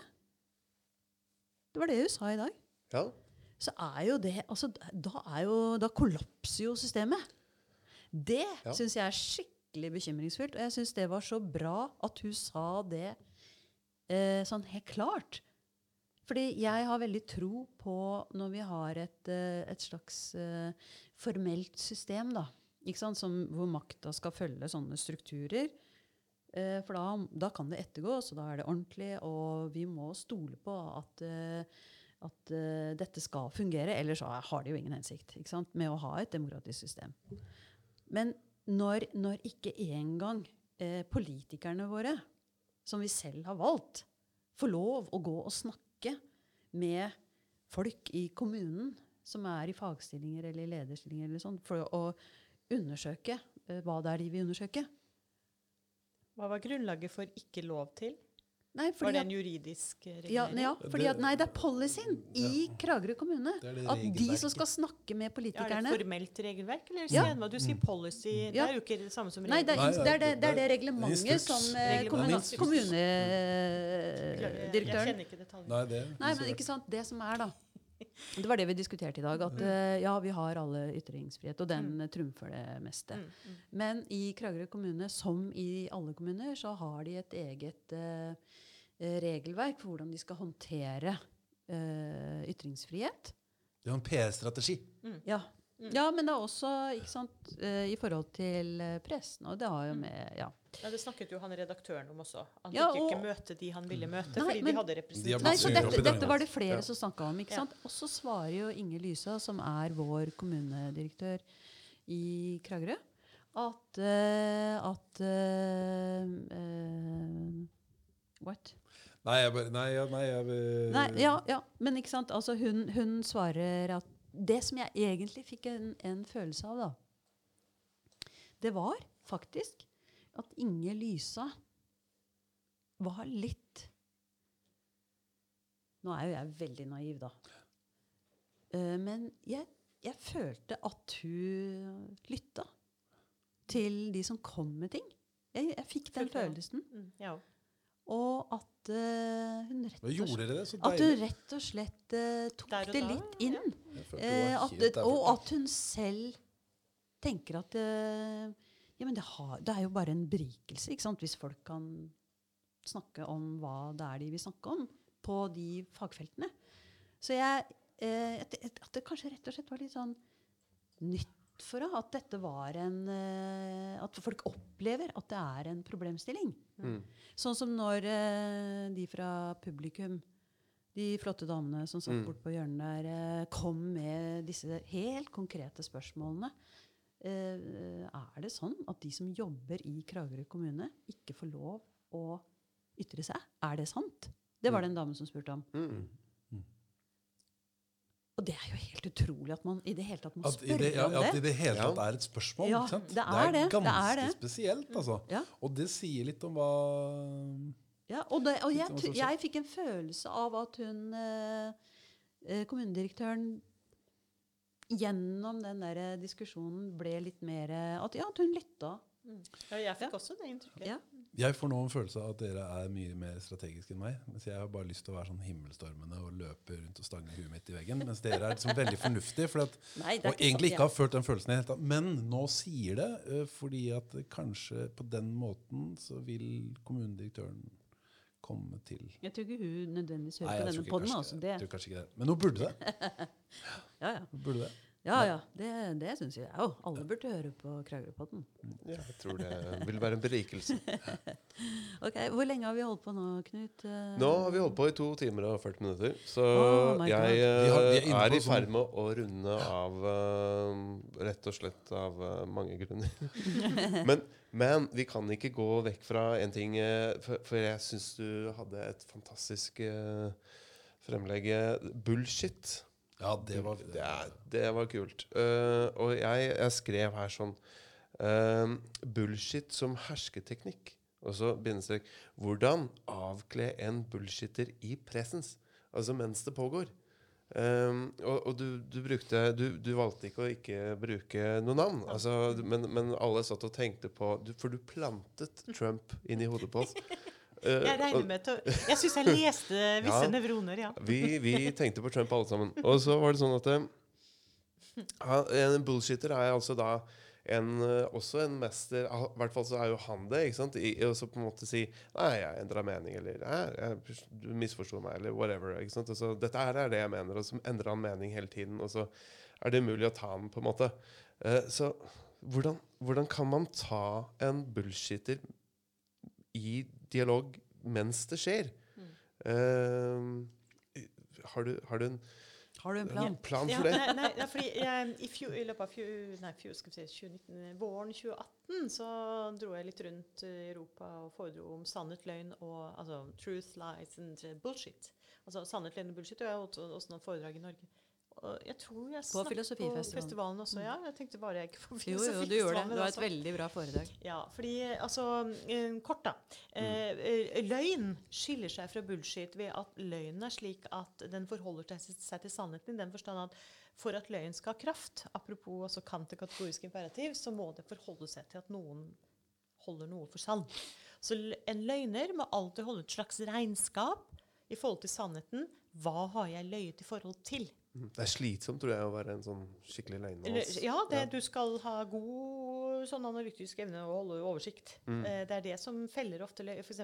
kriminelle løgner og sånn. ikke sant? Altså Virkelig holde oversikt over det regnskapet til slutt.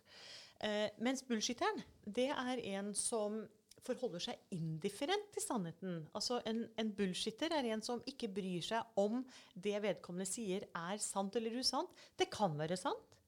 Det kan være usant. Poenget er at holdningen til vedkommende er slik at vedkommende ikke bryr seg om det er sant eller usant. Det er indifferent, altså en likegyldig holdning til hvorvidt det er sant eller usant. Fordi budskapet jeg nå bringer fram, det har ett formål, nemlig å bringe fram et inntrykk av meg. Ikke budskapet selv. Så jeg ønsker å framstå i et bestemt lys, det være seg jeg ønsker å manipulere dere til et eller annet, enten å like meg, eller like mitt budskap, eller altså det jeg pretenderer å si, eller noe annet. Sånn at formålet er utenforliggende, budskapet selv vil sek bli sekundært, som et middel til noe annet. Derfor så forholder du deg indifferent, og det, da, da er det selvsagt mye lettere for det første å svinge kappen etter vinden. Altså, du kan tvitre f.eks. av den ene dagen og ikke av den neste, og bli konfrontert med det og si 'so what'? Mm. Jeg mener nei. Um, eller um, Uh, De fleste vil jo si ja, men jeg vil jo bli beskjemmet hvis jeg blir konfrontert med det man tenker på som løgn. Men er det bullshit, så er det jo ikke løgn. For du har ikke løyet i forhold til en sannhet du opprettholder, som du da negerer. Eh, så eh, Som jeg nevnte i foredraget, bare sånn raskt, for det var ikke hovedpoenget, eller var det i diskusjon? var det vel. Eh, altså Harry Frankfurt skrev jo dette essayet eh, om on bullshit i 1986, bare som et lite essay først. Men så publiserte han den som en liten bok. så nå, den, ja, Hvor mange sider kommer han på formatet, da? Men den siden, det er liksom en så liten bok på en sånn 80-ish sider på engelsk. Og så er den oversatt til norsk også om, om bullshit, som jeg sa. De brukte dette engelske ordet fordi engelsk-amerikanske ordet fordi bullshit er noe litt annet enn uh, skitprat og sånn på norsk. Mange, til og med på Da jeg holdt foredrag om det på, på Filosofifestivalen, så var det noen som begynte å si ja, det er jo bare det samme som skitprat. Selv om jeg hadde da prøvd å si noe om forskjell. Men OK, anyway. Uh, fordi eh, skitprat kan jo være hva som helst, altså hvor man ikke har noe sånn for, Man har ikke noe formål om å gjøre noe inntrykk engang. Altså det er bare sånn da, da, da. ikke sant? Mens her har det det har et formål, men det formålet ligger på utsiden av budskapet selv. Det er, eh, det er om å gjøre å stille deg selv fram i et bestemt lys. Så du er kort sagt indifferent i forhold til sannhet og løgn. Til forskjell fra løgneren som opplagt lyver, og den som opprettholder sannhet, opprettholder sannhet. Så det, det er en veldig, veldig fin bok. En liten sånn sak som, eh, som man anbefaler å lese. Veldig godt skrevet. også. Ja, men jeg bare oppfatter det som eh, Det er jo en, en er, det, er det riktig å tenke på det som en potensiell hersketeknikk? Som en sånn Definitivt. Ja. Kan det brukes som det? Det er ikke det er jo, potensielt, det er. Det er Ja, altså, ja, det, Det- kan det det- brukes som, i hvert fall. jeg Ja. vil vel si det sånn at det er ett av flere midler du kan bruke hvis du ønsker å drive med hersketeknikk. ja, nettopp. Men hvordan ta en sånn en? Ja, det er jo veldig vanskelig. Ja. Fordi Det eh, Kan man ikke bullshette tilbake? Vondt med vondt? Men, men han, Nei, nei, eller hun er jo indifferent. Det, det, det, det som jeg sier, at du, du, det er moving target her. Altså, det, når, Ja. du, ikke sant? når du er indifferent, så I don't, I don't care. Altså, visse presidenter, eksempel. Altså, visse mennesker har prøvd å være tatt på dette. Og ikke sant? Poenget er at du kan ikke ta vedkommende når du er likegyldig i forhold til påstanden din. Oh, well, well, I, did I? Ok, maybe, yes. You, no. Uh, ja, nei. Altså, det er det at sannhet og løgn kan du holde et regnskap over og si noe påstand A, løgn i forhold til påstand A. Men det kan du ikke med bullshittingen. Men, eh, Bullshittingen men, men, men er det ikke sånn, eh, tenker jeg, at den eneste måten å møte den slags type kultur eller væremåte eller eh, forståelse er eh, å eh, opprettholde noe som, som ja, filosofene og, og utdannings- og danningssystemet har eh, holdt på med nå i århundrer. Mm. Med at vi, eh, vi, vi må på en måte tro litt på den derre eh, måten vi kommer fram til eh, det vi holder for sant. Mm. Altså, det, dette her, det her jobber filosofer i våre dager veldig mye med. Og, og da videre med fake news ikke sant? og deepfake og alt. Altså, det er mye jobbing nå på filosofiinstituttene. Og som jeg sa, altså foredraget mitt ikke sant? Sannhet, løgn, eh, sannhet, løgn, bullshit. Altså sannhetsbetingelser er jo én ting. Og sannhetsbetingelser ligger til grunn for både hva vi sier er kunnskap Altså sannhetsbetingelser på den ene siden noe i seg selv. Det fins teorier for det. Og så er det sånn at For at noe skal være kunnskap, så må det være mer enn en meningsytring. Det må også være noe som er en velbegrunnet mening. Det er det klassiske kunnskapsidealet. Selv om det har vært problematisert via GTR, og sånn, så, så, så ha, opprettholder vi noen sånne grunnleggende kriterier der. Og så er det hvordan skal du da velbegrunne noe? Jo, det er å gi evidens for det du påstår. Og da får vi dette med fake news og deepfake osv., hvor du kan manipulere de dataene du bruker. Og da, da, men vi har jo redskaper for det filosofiske den, altså Vi har ikke løst alt, men vi har jo noen redskaper. så vi, vi kjenner jo, vi har jo allerede brukt tankeeksperimenter hvor sånne ting kan skje, eller lignende ting kan skje. Altså Hvordan sporer vi rett og slett falsk informasjon for å vite at dette kan være evidens eller ikke? Ehm, så vi, vi har i hvert fall noen redskaper her. Så, så, så lang historie kort, så, så skjer det veldig mye her. Det er veldig mange som er opptatt av dette. Og en av de jeg dro veksler på i nyere tid da jeg har holdt en foredrag, men det var først og fremst de engelske foredrag, engelskspråklige foredragene i Tyskland og Østerrike i fjor. da. Det, ja, våren 2018, uh, det vil si snart to år siden. men, men fall, det var en som heter Kasim Kasam, som snakker om epistemic insouciance. Og insouciance er et veldig ukjent sånn engelsk begrep, men, men altså det går på den type indifferens. da. Altså epistem, epistemologi, altså epistemic, altså kunnskapsmessig indifferens. Altså du har en likegyldig holdning til kunnskapsforestillingen overhodet.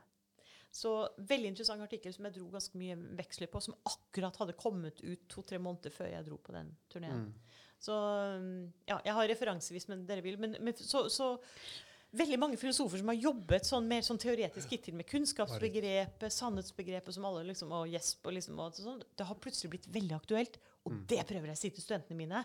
Og det kan hjelpe deg til å ha noen redskaper for å tenke kritisk i forhold til dette. Det er håp. Ja, Tross alt. Også, og, ja, ikke sant? Jeg, jeg, det var jo nå nylig, altså bare noen dager siden, så var det eh, publisering av en undersøkelse som var gjort av eh, eh, hvordan barn kontra eldre eh, forholder seg kritisk til eh, kilder.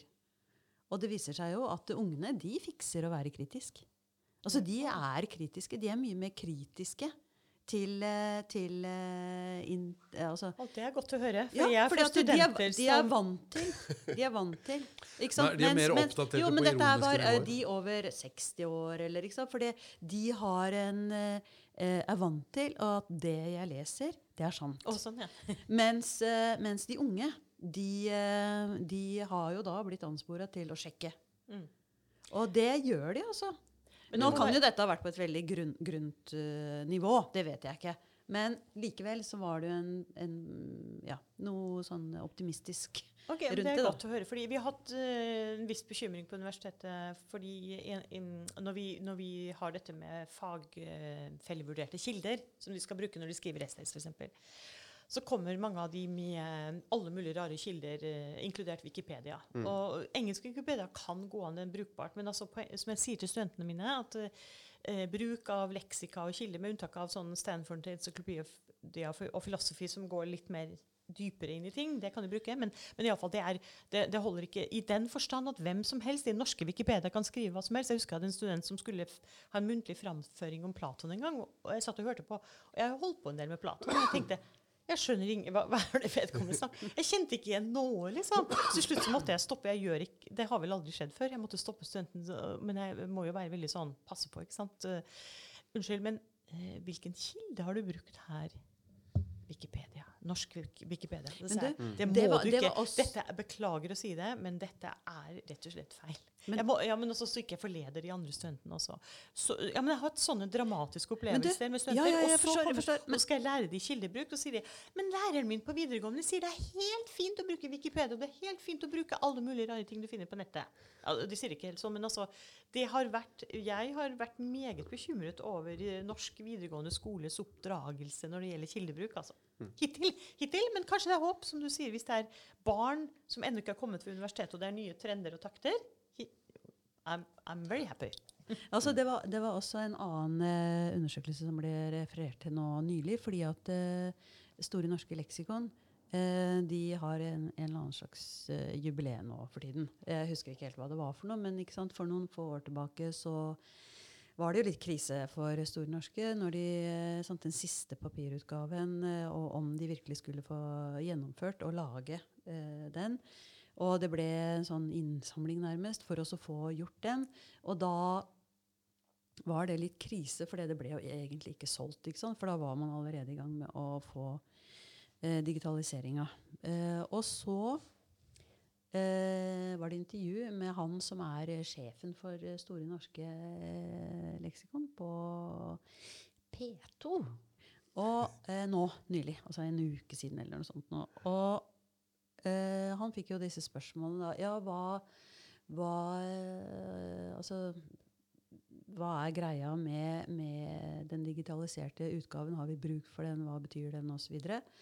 og da forteller han at uh, ja, han er veldig, veldig stolt av den utrolige bruken av store, store, norske leksikon. Mm. Og så kunne han påpeke at nesten eh, Altså, de utelukker hverandre. Det som Wikipedia Altså søkene på Wikipedia de omhandler noen ting, mens søkene på Store norske, det er noe annet. Sånn at eh, det som eh, Det som virkelig gjelder, på en måte For det, det som ble søkt på på Wikipedia, det er mer sånn Litt mer sånn der eh, tabloidiserte temaer, da. Mens når man virkelig skal til kilden, så går man til Store norske. Og når det skjer litt sånn crucial things i offentligheten, så går man til Store norske. Og de har enormt med søking. Så jeg husker ikke tallene nå, men det er jo helt vilt. Og han var sånn Mye mer enn Wikipedia også. Ja, ja, ja, mye mer. Altså, han var veldig, veldig veldig stolt. Og de har jo e- enormt mange som uh, produserer uh, artikler, som er veldig kvalifiserte. Og så var det noen ting som han syns at ikke de er så kvalifiserte på som Wikipedia. Men det var helt marginale saker. Så, eh, og det tror jeg også man lærer. ikke sant? At ja, Wikipedia det er sånn eh, lettvint greie, men skal du virkelig sjekke ut ting, så går du til Store norske, f.eks. Mm. Men det er, det er jo bare et oppslagsvei. For så vet jo alle at man må gå videre hvis man er på et Mm. Ja, eller annet bestemt nivå. litt, litt av det problemet er filosofiene. Det, for eksempel når studenter skal skrive bevissthet, og så skrive og ja, hva er dualisme, hva er monisme, og så, Mm. alle disse begrepene vi har. Og nå har de masse originalartikler og alt mulig å, å lese, men det er jo litt sånn mer komplekst. Så det de begynner med, er å begynne å, å, å søke i Store norske. Og så skriver de fra Store norske da, om dualisme og monisme og uh, ulike sånne posisjoner. Og så sier jeg at de eh, Store norske er fagfellevurderte artikler. Alle som skriver der, og jeg er selv redaktør for en eh, del av den, og og at det er jo absolutt kvalitetssikret. Men det er jo bare en minste felles multiplum av forståelse. Så det dere skal gjøre filosofisk, er jo å problematisere dette. Så det holder ikke å liksom bare slenge opp det. ikke sant? Så det er, det er litt av ulempen eh, altså det, Men det er, det veldig er noe med er nivåene også, da, antagelig. Men, Mm. men det er noe, noen må lære de Det er et eller annet med ikke bare at man vet hvilke gode kilder man altså fagfellevurderte kilder man skal bruke, men hvordan man bruker de også. Og, og, og der er jeg veldig igjen, da. Altså det, det er tydeligvis ingen oppdragelse på det i videregående. Eh, Mm. jeg, må, jeg må begynne liksom helt sånn baby noen steps, da, ABC. Eh, Må jo ta det raskere, selvfølgelig, for jeg tenker at dette må de få med seg. liksom, Men det er, jeg er litt overrasket over hvor ukyndige de er når de kommer på Mm. Ja, man, skal lære seg, man skal lære seg å tenke selv, Ja, ja. sies det. Men uh, har jeg hørt. Uh, Selvstenken er en ja. av første Kants, av Kants maksimer, ja, for. Det sier de uh, som et smykke. I, han, eh, sønnen min han eh, har fått høre det. Mm. Oh, ja. Som fått, et smykke? Men, ja, men at det er noe man trekker uh, Du skal lære uh, Det viktigste er jo å lære seg å tenke selv, og vær så god, tenk sånn. Mm. For uh, Ja, for, det, men det, det interessante da, det er for studenter som er sånn at ja, Skal jeg, skal jeg skrive, skrive liksom det den sa, eller skal jeg tenke selv? Jeg skal bare skrive hva jeg selv mener.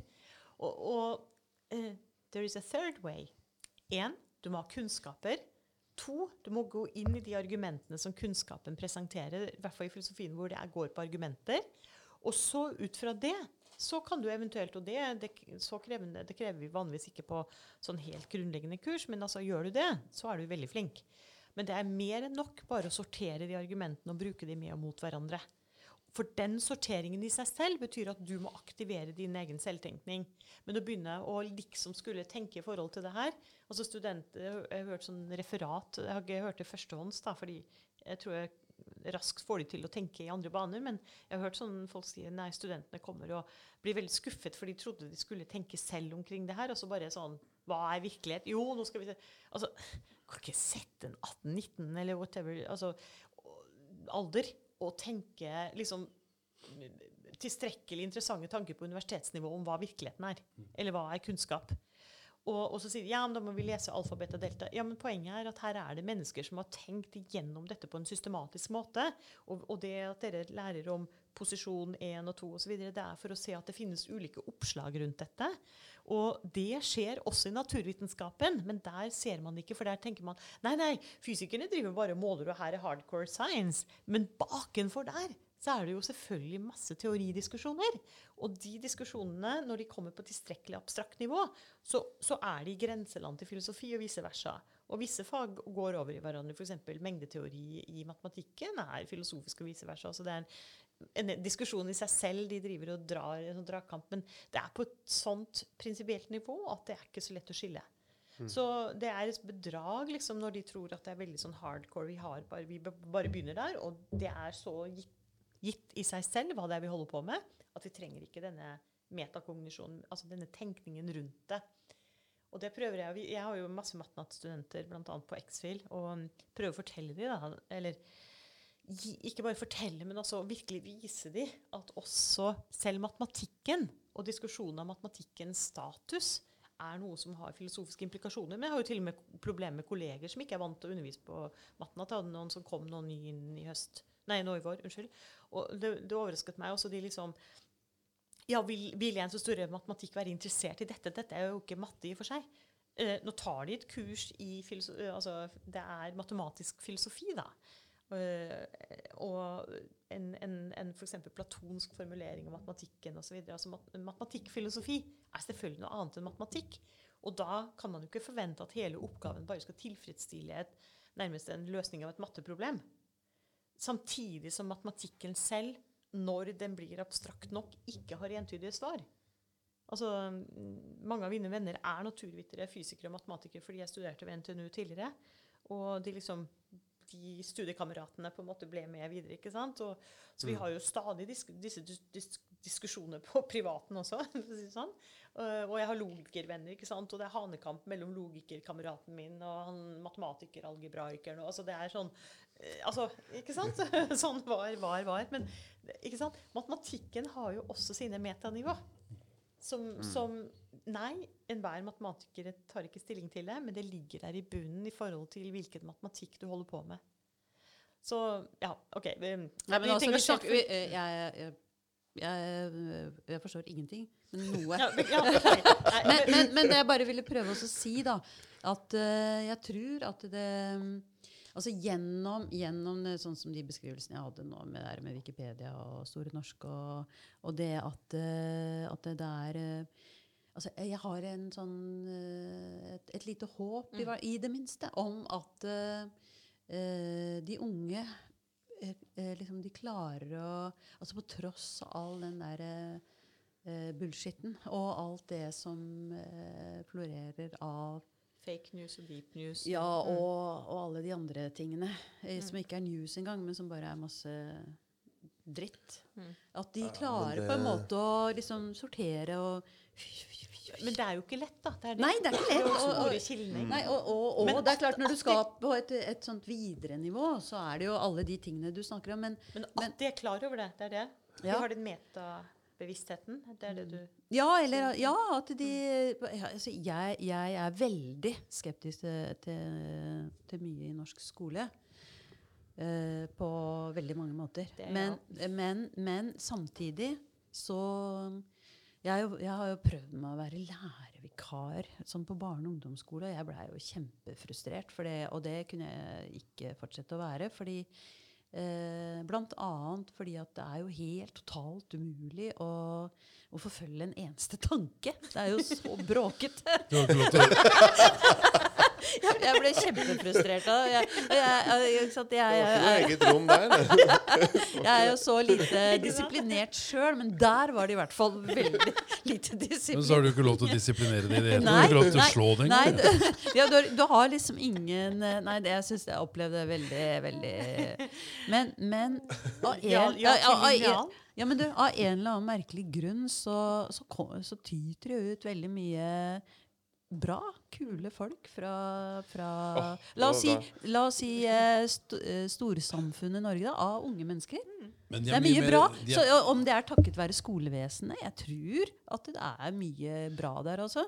Eh, men det er sikkert mye bra foreldre, og det er mye bra tanter og onkler, og det er mye bra eh, Ikke sant? Men, men jeg tror skolen har noe med å gjøre òg. Altså. Jeg tror Men, det. men det er poeng det med at man, altså, hver ny generasjon har et nytt sett med koder og ny forståelse som baserer seg på altså Når eh, sønnen min sier at eh, 'Pappa, du skjønner ikke det her', så vet jeg jo hva han snakker om. For vi husker det jo fra når vi var små. Altså, det er faktisk sånn voksengenerasjon Nei, men her har vi karva ut en, eh, et, et nytt nivå mellom de to nivåene. Altså, vi, det, det utvider seg jo hele tida.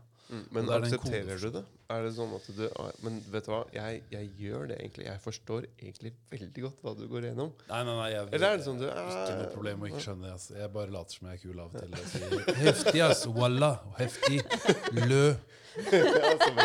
Walla lø. Det er mye, vi kødder mye med det, men jeg vet jo hvor latterlig det er. selvfølgelig. Men uh, på den veldig positive noten der, så syns jeg vi skal avslutte. Men jeg Ja, tenker at du, du, må, du, må, du må avslutte for oss, eh, Daniel. Uh, Theodor Jangmar uh, Paulsen. Uh, I studio oh. er også Marit Laland og Anita um, Leirfall. Leirfall. Hva sa du nå? Leirfall. Leirfall, selvfølgelig. Ja, Ja. Jeg kalte deg Anine tidligere i dag. jeg. Uff da. Det, Kjærulf. det, var, Kjærulf. det var ufattelig Men det var, hun refererte selv til Anine Kierulf, så kanskje Ja, det var det. Ja, det var eh, ytringsfriheten. Jeg hadde en referanse Ja, det- til Anine, noen hun hadde sagt. Ja, det var, det var din skyld. Så den, hvordan var det du avsluttet uh, paneldebatten i dag? Å ja, ja, den kan jeg dra. Det Ja. var jo en, eh, et sitat fra Aron Flam, en eminent uh, svensk satiriker, podkaster og vriompeis, Mm. uh, som har en slogan for sin podkast. Som er uh, Igjen nok et tema vi ikke har fått vært inne på nok, men uh, ha- sloganen er altså uh, 'Dine følelser krenker mine tanker'. Takk for i kveld. Takk for i kveld.